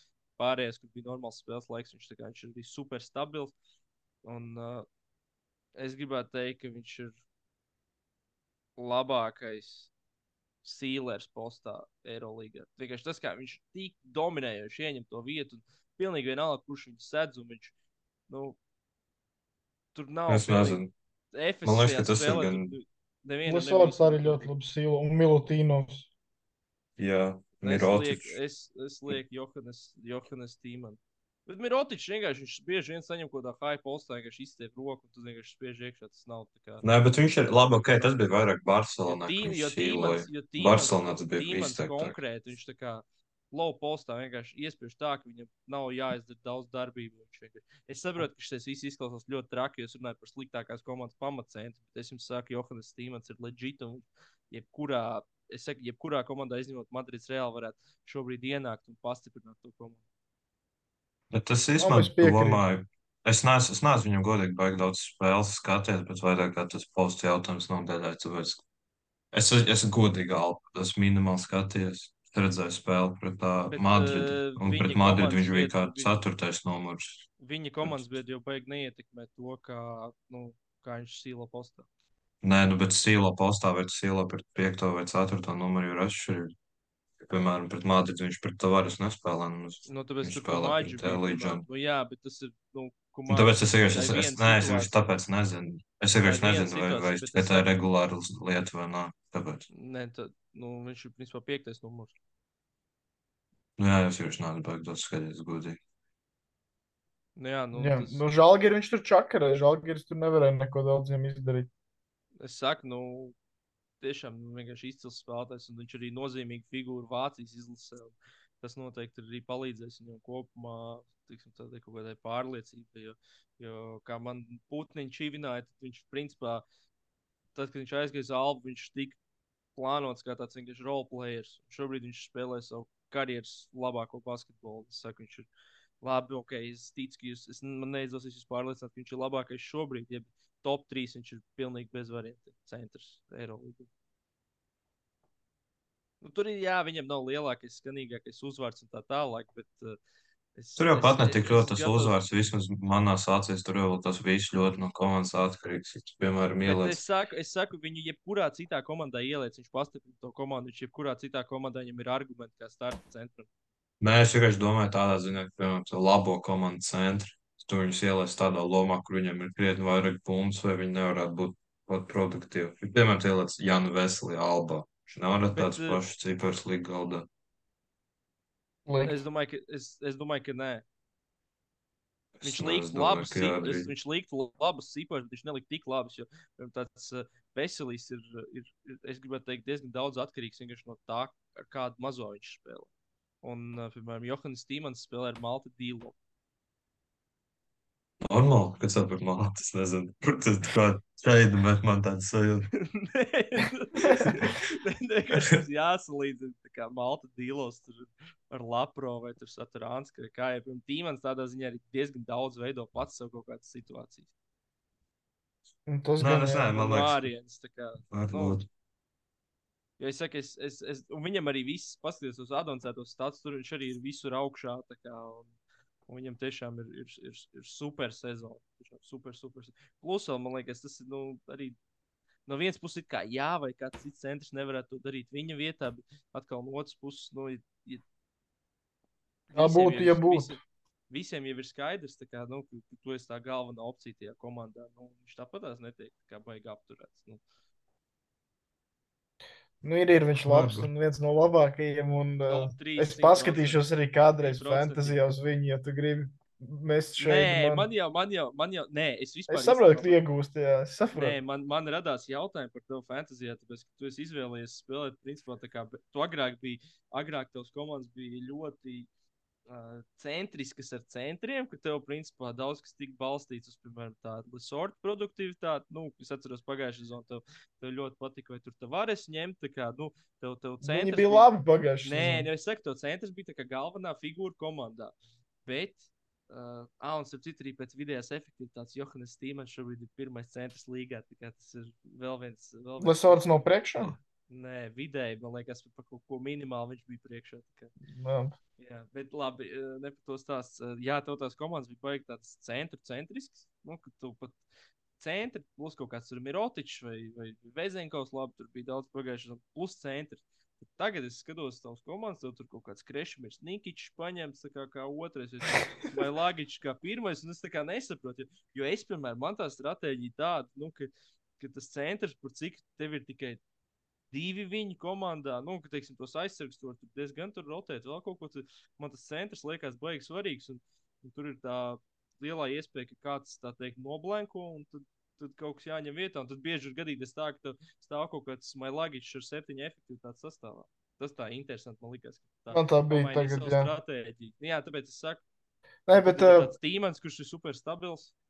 Es visu laiku gaidu, ka, es visu laiku gaidu, ka viņš apstāsies. Viņš tā kā paliek dārgs man liekas, ka visu laiku, nu, tā, kā, nu, vienā kāds tā, spēlē- saņemsies un tūlīt noseks viņu. Nē, nu kaut un- kādā spēlē viņš apstāsies, bet vai tas būs ilgtermiņā? Jā, jā, jā. Un uh, kāpēc, uh, piemēram, es te valtu provocēju? Man bija Lasorts visās komandās, un es kā schēmoties, saprotu, viņš spēlēs pret Madridu, pret Valteru Tavārēs, kurš stāvēs sodu laukumā, nerespektēs viņa metienu, un nekādu lēto danku šeit šodien nebūs, tā kā pret visām citām komandām. Un viss notiek, viss ir kārtībā, nekā arī nav. Un tad Valters tiek nomainīts. Vinsants Porjē sāk sakt pick and roll aizsardzību. Un danks, danks, danks, rols, alijups, viss, ko tu vēlies. Vienkārši un Lasorts sakrētās lietas. Bet, nu jā, tajā mirklī es viņu izmetu, un tad man īsti vairs nebija ko ņemt. Un tad jau tur bija šī Bet vai tad- gājiena man sākās. vai jā. tad, vai tad tev nav Lesorts jau pāris nedēļas? Nē, tikai vienu, visus pārējos viņi turēja kā savu to Ā, stabilo ok, vērtību. Es kaut, kā- es kaut kā biju iedomājies, jā, ka viņš tev ilgāk. Jā, jā, ok. Bet, ja Atomans izdomā viņu nelaist startā un sākt ar Bal Balčarovski un uh, neiedod viņam minūtes, tad atkal ir problēmas, jo nu, nav vairs droši risinājumi. Tavares ar statistiski viņš Johannes vispār nav tas, kas... Stīmans, Labi, es padomāšu. Stīmans. Es padomāšu. Plus vēl Jā. viņš, viņš ir par, par lētām naudām. Gan, Zini, kāpēc gan man viņš nepatīk? Mēs te tagad, Alba, viņš nedabūs to plusiņu par tos Uzvaru. 10% par uzvaru. Jā, jā, es ņemu Nu, un spēlētājs, kas Lesorts ir uzvar 3 spēles. pēc kārtas noz- zaudējis. Nu, tu jā, bet es negaidīju, ka viņš aizbrauks uz Stambulu un zaudēs. Nu, jā, bet paskatieties arī Albai tādu occasional uzvaru kaut kādu tādu. Jā, nu viņi piemāno ir uzvar, jā, jā. Labi, Pēdējās skaties, trīs tu- spēlēs Alberta vairāk uzvar. Nu, bet, bet, bet arī tā, paskatieties, piemēram, nu, uh, viņš savāca pret FS40 efektivitāti. jā. Nu, labi, viņš zaudēja. Ok. Nu, es Nu, negaidīju, kā- 40 Tev būs ir, atklāts. ir, nu, jā, bet, piemēram, tev ir kas labāk, paņem to 40, vai tu paņem, piemēram, Lesort 20 plus 10%, 22. Nē, jā, jā, ja Nu, man nē, kāds bet man pa pabrīdinājis, ka būs 40, tad es rīkotos citādāk. Pa lielo jau tas jau, ko tas no viņiem gaida. Man liekas, tīmenam nav kaut kas bijis zem 20 vidē. Es kaut ko jau. 21 18. vidē viņam ir. Ah, nu, pateikšu. ok. Ā, tagad jau, tagad jau. Jo nu, tagad, tagad, tagad tas ir labākais 40 uzlec līgā, augšā, bet tā kā pirms tam viņam bija gan jau bijis zem 20, es tā pieņemu. 19. tā kaut ko viņš tāpatās bija top 3 centrs Eirolandā, es jums to saku. Nu, labi, arī tas- ok. Valta pierunāju. vienkārši sāpīgi. Viņam komandā ir divi centri, un tad vēl Lesorts, un tad viņam sāpīgs temats. Ah, Labi, nē, ok, nav krič. Uh, nu, jā, ir 17 ir Baka 4, 17,31 Veselīs, 19,79 Lesorts un 19,98 Johannes Stīmans. Labi. Apsveicam Johannes. Nē, vienkārši viņš Viss. favorīts reāli. Tiešām. Jā. Nu, apsveicam ar. ā, Jo es, es jums Sauksim to pateikt par trofeju. Es jums, es, Albe jums, cits nebūs. es jums gribu pateikt to, ka labi spēlētāji var būt arī sliktās komandās. To mēs Jo zinām. jā. es, es vispār esmu tāds uh, Berlīnas albums garā gala cienītājs, jo, kā jūs atceraties, pirms es arī Kristu Maģi izvilku fantāzijā, Jā. kā slepeno ieroci. Bet nu šitie te visi par tiem. Es nezinu. Nu, man liekas, tā kā tur ļoti grūti tā kā viņus salīdzināt. Tur vienkārši pa dzīvi labs, sliktās vai arī. Atgādu, piemēram, Lūks Sīkuma pagājušajā sezonā bija arī viņa komandas biedrs bija viens no diviem tēviem. Viņa ģimene Albas jauniešu, jauniešus vadīja un Sīkuma tagad atrodas labākā komandā un demonstrē, nu, neko pa Nu, lielam. labi, viņš liekas, pusi, tā mēs. pusi laiku tur bija traumēts, un es domāju, ka tur tajā sistēmā ieiet, tā kā tas prasa kaut kādu laiku.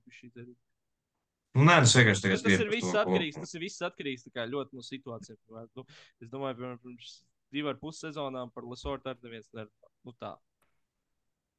Nu, tas ir viss Nu, jā, jā, protams, ļoti protams, atkarīgs, protams. ļoti, ļoti atkarīgs no, no situācijām.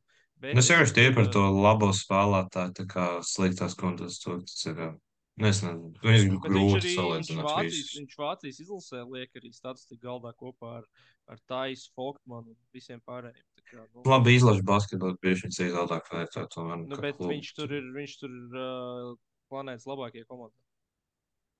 Taisnība, bet nu ne pasaules čempionos. Denverā viņš nespēlē, cik es zinu. Bet tagad jau Lakers ir pasaules čempioni.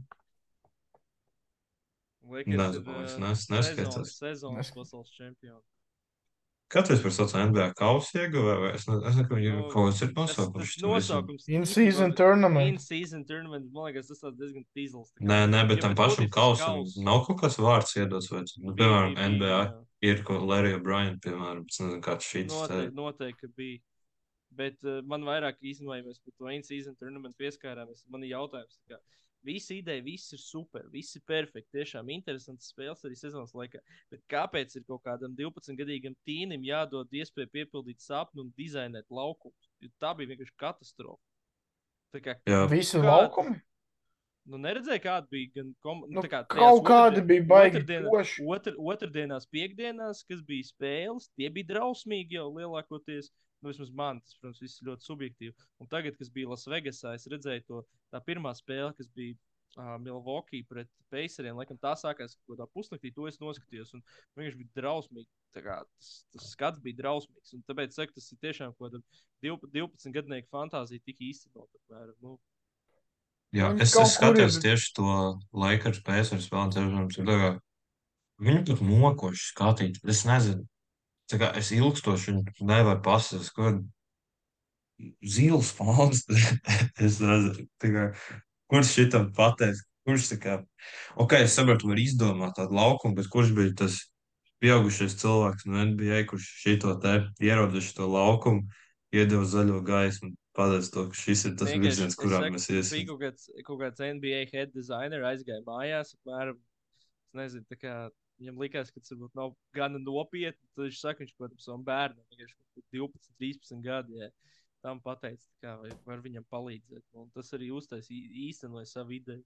Jo es nezinu, kā viņš to izlaiž. Man tiešām tas liekas drausmīgi. Es arī Twitterī redzēju kaut kāds pāris viedokļus, ka tas laukums bija tiešām tāds ne, neglīts. Nu, Tie, kas bija kādas- parasti, parastam tam komandam, tie man pat tagad daži bija ok. Uz ēru, vismaz cik es atceros. Bet tagad tieši tas, kas bija tajā Vegasā, tas bija, tas bija drausmīgs.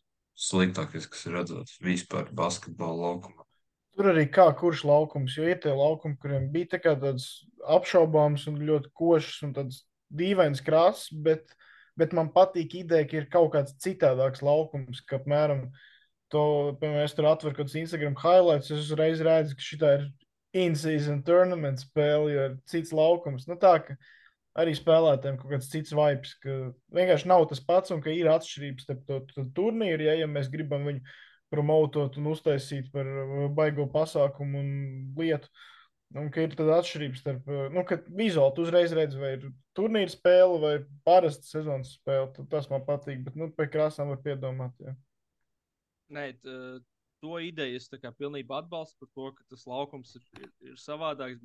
Vienkārši tieši šis konkrētais laukums man vismaz tiešām personīgi likās briesmīgs. Nu, es, es piekrītu, jā, ka tas ir. Tas ir jo tāpat arī Eirolandā Final Four. Tu arī redz, ka tas, tas, tas Final Four spēles nevis, nevis kaut kas vienkārši.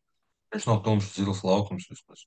Tas, ka, Jā, es nezinu, nu, tas, viņš ir citāds, bet viņš tā kā īstās pēc laukuma, kur principā, man liekas, bet nu, vienīgā lieta, kas ir izteikti, man tikai tas tā kā centra logo, kur tas lielais Final Four uzmanības. Pārējais ir basketbola laukums. Nemēģina atklāt jaunu riteni. vēl kaut kādas uh, lietas par Eirolandu varbūt, vai, vai varam virzīties uz saldo ēdienu. Man uh, kahūts bija sagatavots. Jā, jā, jā, bet es vienkārši es, es, es piedāvātu paņemt nezinu, divu minūšu pauzīti. Tā kā es te varu uzspiest uh, pauzīt un tad atgriezties ar kahūtu. Nu, varam tā. Jā, ok. Jā, štopā. Nu tā, esam, esam atgriezušies pēc nelielas pauzītes, tehniskas un, uh, un labierīcība, kā es saprotu. tad uh, tā kā šī ir uh, mūsu jubilejas epizode, tad es sagatavoju arī nelielu kahūtu, tāpat kā iepriekšējā sezonā par, par šo Eirolandes sezonu. Uh, 15 jautājumi, pēc tam uzlikšu arī publiski, gan jau YouTube varēsim ielikt. Klausītājiem, ja gribēs arī pašu uzspēlēt, reizē ar mums, nu, ar jums, jo es nespēlēšu, tas nebūtu godīgi, manuprāt. Un, Īstenībā. tad, salīdzinot ar pagājušo gadu, arī klausītāji šoreiz varēs redzēt to, kā jūs spēlējat. Tā, tūlīt nošērosim ekrānu. Tā. Redzat, ja? Jo. Jā.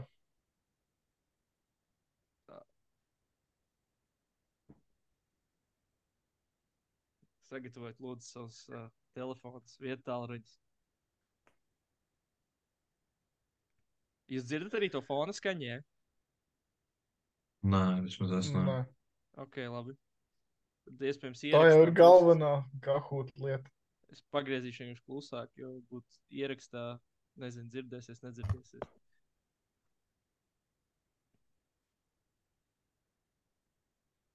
Valds ir Norberts vai, vai Valds ir Valds? Valsts ir domāju, valsts rakstīt šoreiz. kaut, rakstīt kaut kādu Mario Hezoņu vai nē. Labi. Nu, jūs varat. ka- ka- Būs Ok, Norberts. ok, ok. Tā. Kur mums ir sākums? Super Mario. Agrāk rīts no tās vēl nestrādā fantāzija, tā kā, kā parasti. Uz vārdu. Ergīns Satamans. Eirolandes kahūts par godu 50. epizodē. Valt, kā Kristis Pols teica Dairim, just you and me, little boy. Līdz šim vislabāk apmeklētais mačs šajā sezonā ir Wow. Partizans ar Vēnu Zvezdu, ar Vēnu Zvezdu Anadolu FS, Partizan Panathinaikos vai Partizan Olimpijakos. Protams, ka partizans. Ai, te noteikti būs āķis kaut kāds. A, Kā, kā jūs zinājāt, tik precīzi? Jo man liekas, domāju, tur, tur jau Simtos Tāpēc tā bija nesen, nesenākā no visām. man Ok, liekas, ok. es A, mums jāpriekš audio, tad cilvēkiem arī jāpasaka. Tad, nu, nezinu, Partizans Panatinaikus. Jā, ok, jā, Visapmeklētākā. kas visapmeklē, līdz šim Es, visapmeklētākais es spēles liku tāpēc, ka Lesora atgriešanās, un man kaut kā likās, tas visiem ir emocionāli. Nu, un es arī zinu, derbijs? Derbijs, ne? A, nav, a, kā, kā ir, nebija soldāts, vai viņi vienkārši iedod ekstra 50 vietas uz nākamo spēli? Nu, liekas, Nu, viņi kaut kā zinot- atrod vienkārši kaut Zinot kā, to, ka tā ir Serbija. sasēžas. Jā, zinot to, ka tā ir Serbija, es nebrīnos, ka viņi vienkārši pārdod tā kā vairāk biļetes. Kā... Es īstenībā esmu dzirdējis, ko paši serbi runā šajā sakarā ar to, ka uh, viņi īsti pat neatklāja. Tas jā, nav īstais cipars, kas cik tur, tur īstenībā ir krietni vairāk. Viņi vienkārši neatklāja, ka tur ir vairāk, jo tur ir vienkārši kaut kāds capacity, kuram viņi ir krietni pa virsmu. Tāpēc viņi negrib kāds- tagad teikt īsto ciparu, kā cik tur īstenībā ir drošības, ieradušies. drošības apsvērumu dēļ viņiem. Jā. Tā ejam uz nākamo. Un Norberts bija drusku, drusku atpakaļ. es kā 4 sekundes domāju. Kuram no šiem klubiem nav Eirolandes A licences?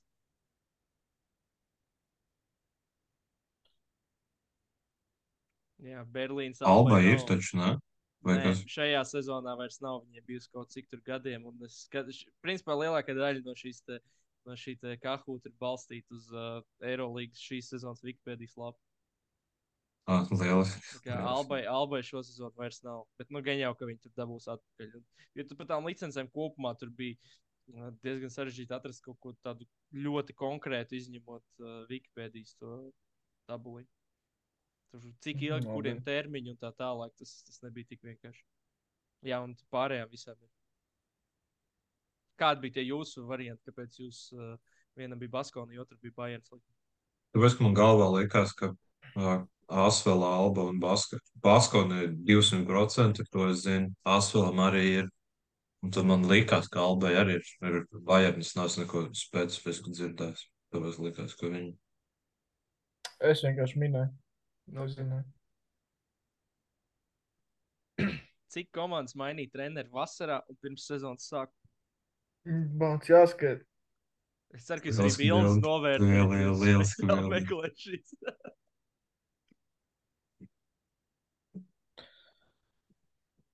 Valtu Nā. skaiti vai mini? Es godīgi, tas tas beigās minēju.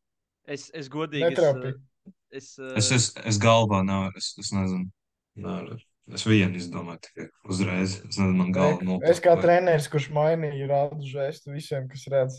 uh, piecas komandas. Uh, piecas komandas. Uh, Tagad uzskaitam, tad Atamans, Grimau, uh, Banki. tās ir trīs, uh, Bajens četri. un Un uh, Džons vēl. Jā. Džons vēl piektais. Es, es ja godīgi pats īstenībā varēju spēlēt, ja es to taisīju tam divām nedēļām. Es diezgan daudz ko aizmirsu.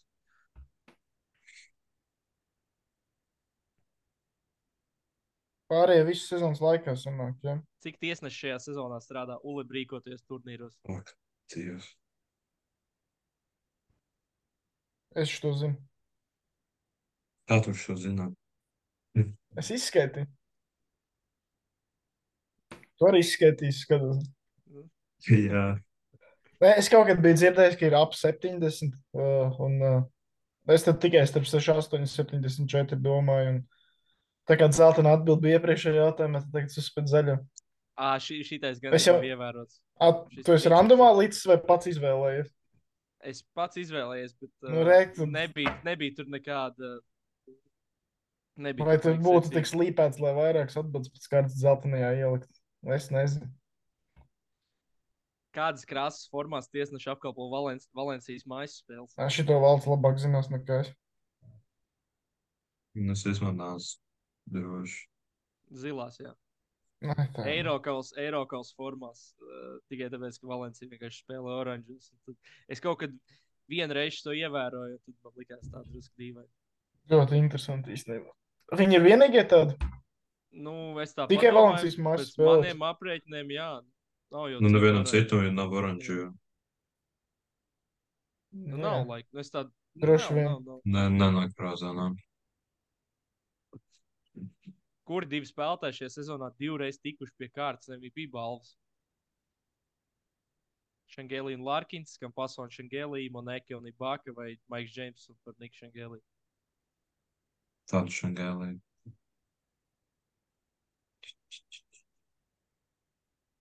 Jā, Šangēlī un Larkins. Un, uh, tas šito arī vajadzēja vakar izmainīt tīri tā iemesla dēļ, ka Šeins dabūja pagājušajā vienā no pagājušajām kārtām. Tur, kur, jā, un tad iepriekš bija tikai to, ko. Es nekam pasauli tikai vienu reizi dabūjusi. Jā, Un Maiks arī. jā. Un tur bija vēl Kodijs Millers, Maki. Tur bija īstenībā pāris tādi likās random kadri. Bet, nu, Čimdogam arī nebija viens. jā, like, jā. Ibakam bija arī. jā, jā, viņiem pēc Nu, sanāk, nevienam citam nav divi tikai šitiem. Toko un šeit. Tas ir šobrīd Jā. pēc 13. kārtas. Jā. True or false. Tāds ir. Bļā, viens es to neizmainīju. Es neapskatījos pēdējās spēles. Nu, Labi, cerēsim, ka tā joprojām ir. es, es šito jautājumu aizmirsu apskatīties. Bet, nu, jā, Bet tu domā, ka tas ir mainījies? Viņš tur bija priekšā kaut pusotru reboundu pēdējo nu, reizi, kad di, divas, divas spēles ir bijušas. Mm. Kā, Nē, viņš tāpat tur savāds, kad astoņas bumbas. jā, nu, Nē, es jā, dzirdēju, ka kāds būtu tur 15, lai kaut kas mainītos. Kaut kam bija 11 bumbas uh, vienā no šīm spēļu kārtām. Es neatceros. Ibakam Aleks. bija. Šmitam bija kāds 11, bet Viņš Nu, šeit nav. bija 11 arī. Aleksam Petersam nebija kaut kas 16. Nu, nē, es nezinu. diez vai. Kaut Pēdējā spēlē noteikti. Nē, Luka, Luka, bija Luka. Luka, Luka Mitrovičam. Luka Mitrovičam bija kaut kāds 16 Jā. bumbas vienā spēlē. Jā. Uz sākuma likās, teiks, Lukas Lakāvičs. Neticu. Grants ir Eirolandes labākais bumbu pārtvērējs.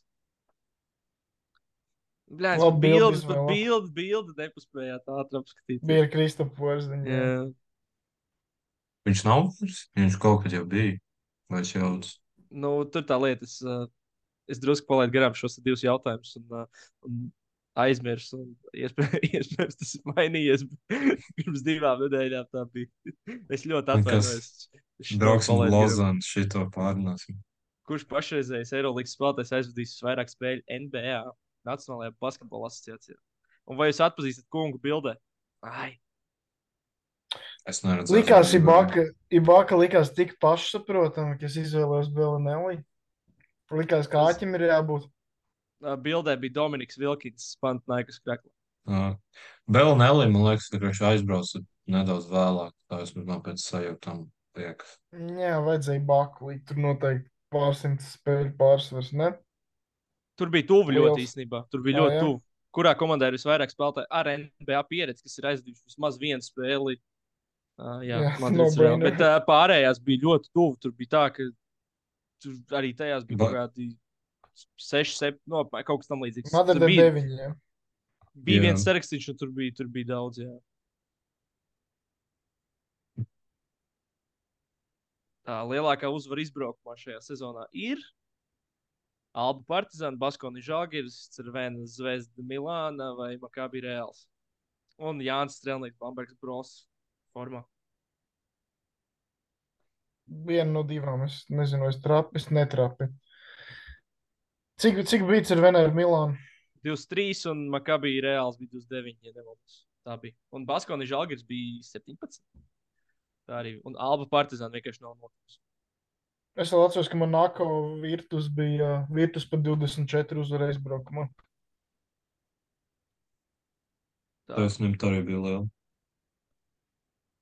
Ah, es tur vienkārši es, uh, liku tos atbildžu variantus no flashcore. Es vienkārši neaizstāju līdz pirmajām kārtām. Arī, nu, gadās. Kura komanda pēc 13. kārtas ir sliktākā cīnītāja par uzbrukumu bumbām? Vidēji spēlē. Un tas, starp citu, vai es atpazīstu kungu bildē? Malgalā. Jā, Tā izskatās, jā.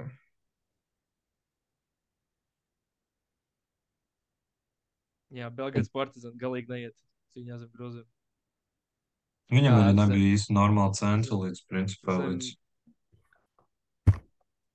Zem pretinieku grozā tā būtu precīzāk. Tā vēl trīs jautājumi. Bayern, Saragos, Pantnaikos, Valencijas ir viens zvezda. Kurš no minētajiem, nu, kurš no atbildžu variantiem ir spēlējis visās komandās? Bilde arī Valtam īpaši par godu. Lieliski. Jā, nu šitais bija. Es gribēju kaut ko tādu sarežģītāku, bet tur viss bija principā, diezgan īsi likās no, no tiem variantiem, kuriem es tā gāju cauri. Ah, nā, 14. jautājums. Kur komanda ar negatīvu net reitingu ieņem visaugstāko vietu šobrīd? Un arī leģendārs basketbols bildē vai atpazīst. No tā, tur bija mēnesis, mēnesis atbildes, es domāju. Jā, Valencija ir visaugstāk, ja nemaldos, astotā vieta, un pārējiem jau ir pozitīvs net reitings uz augšu. Baskonijai bija ļoti minimāli, kaut kāds plus 0,3 laikam. Vai kaut kas tam Ah. Valencija īstenībā gan jau es, es neaizdomājos, viņam bija tā spēle pret uh, Milānu, kas viņam gan jau to visu sabojāja vēl. Gan uh, offensive rating, gan defensive rating. Jā, un, uh, jā, un bildē bija tā nauka bērns. Tā pēdējais jautājums. Šķiet, uzvarētājs. Es laikam nevaru vairs, jā. Nu, jā, nu, Viss labi. klinšots. You and me, boy. Kur ir Jā, bijusi līdz šim garākā Eiropas epizode? Wow, šī? Iespējams, ka šī, bet līdz šim, līdz šim, jā, līdz šim. Jā, ar Jā, Frančiju. Valds piedalījās tajā epizodē. Viņš nevarēja netrāpīt. Bet es arī zinu. klausījies, jā. Tā, Jā, tad apstīsimies. labs jautājums. Īsāk, kā jā, jau neviens bronza. Nekam netik, diemžēl.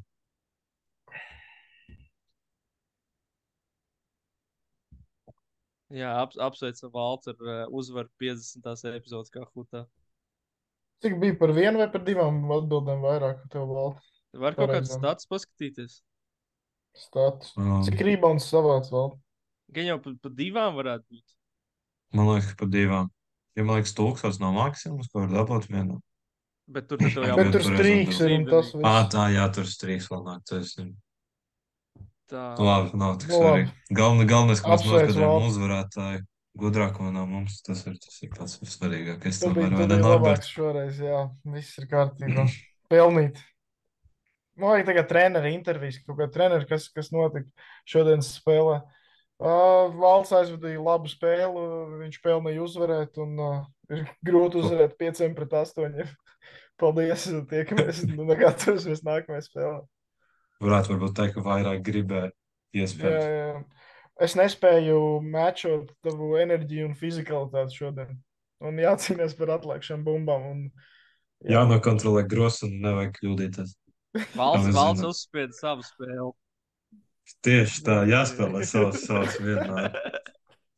Hokejā, futbolā, basketbolā, lauka hokejā, ūdenspēlē nav svarīgi. Visi ir jāspēlē savu spēli, tad, tad viss tiks uzvarēts. To mēs jums esam noskaidrojuši. Tā Nu, ir. tā kā tā, laikam, jāsaka paldies visiem, kas izturēja šo. Nu, pirms divu pusi jābūt šitai epizodei. Būs jāsalīdzina ar to franču jā, epizodi, vai ir garāk būs- vai nav. Uh, mūsu garā jubilejas 50. epizode, pirmā ar video, šī ies iekšā arī YouTube. Es nezinu, cik gan ātri tas notiks, jo man šis varētu būt diezgan liels fails. Tā kā jā, paldies, ka klausījāties. Un visticamāk, tiekamies jau, jau nākamajā nedēļā. Paldies, čau!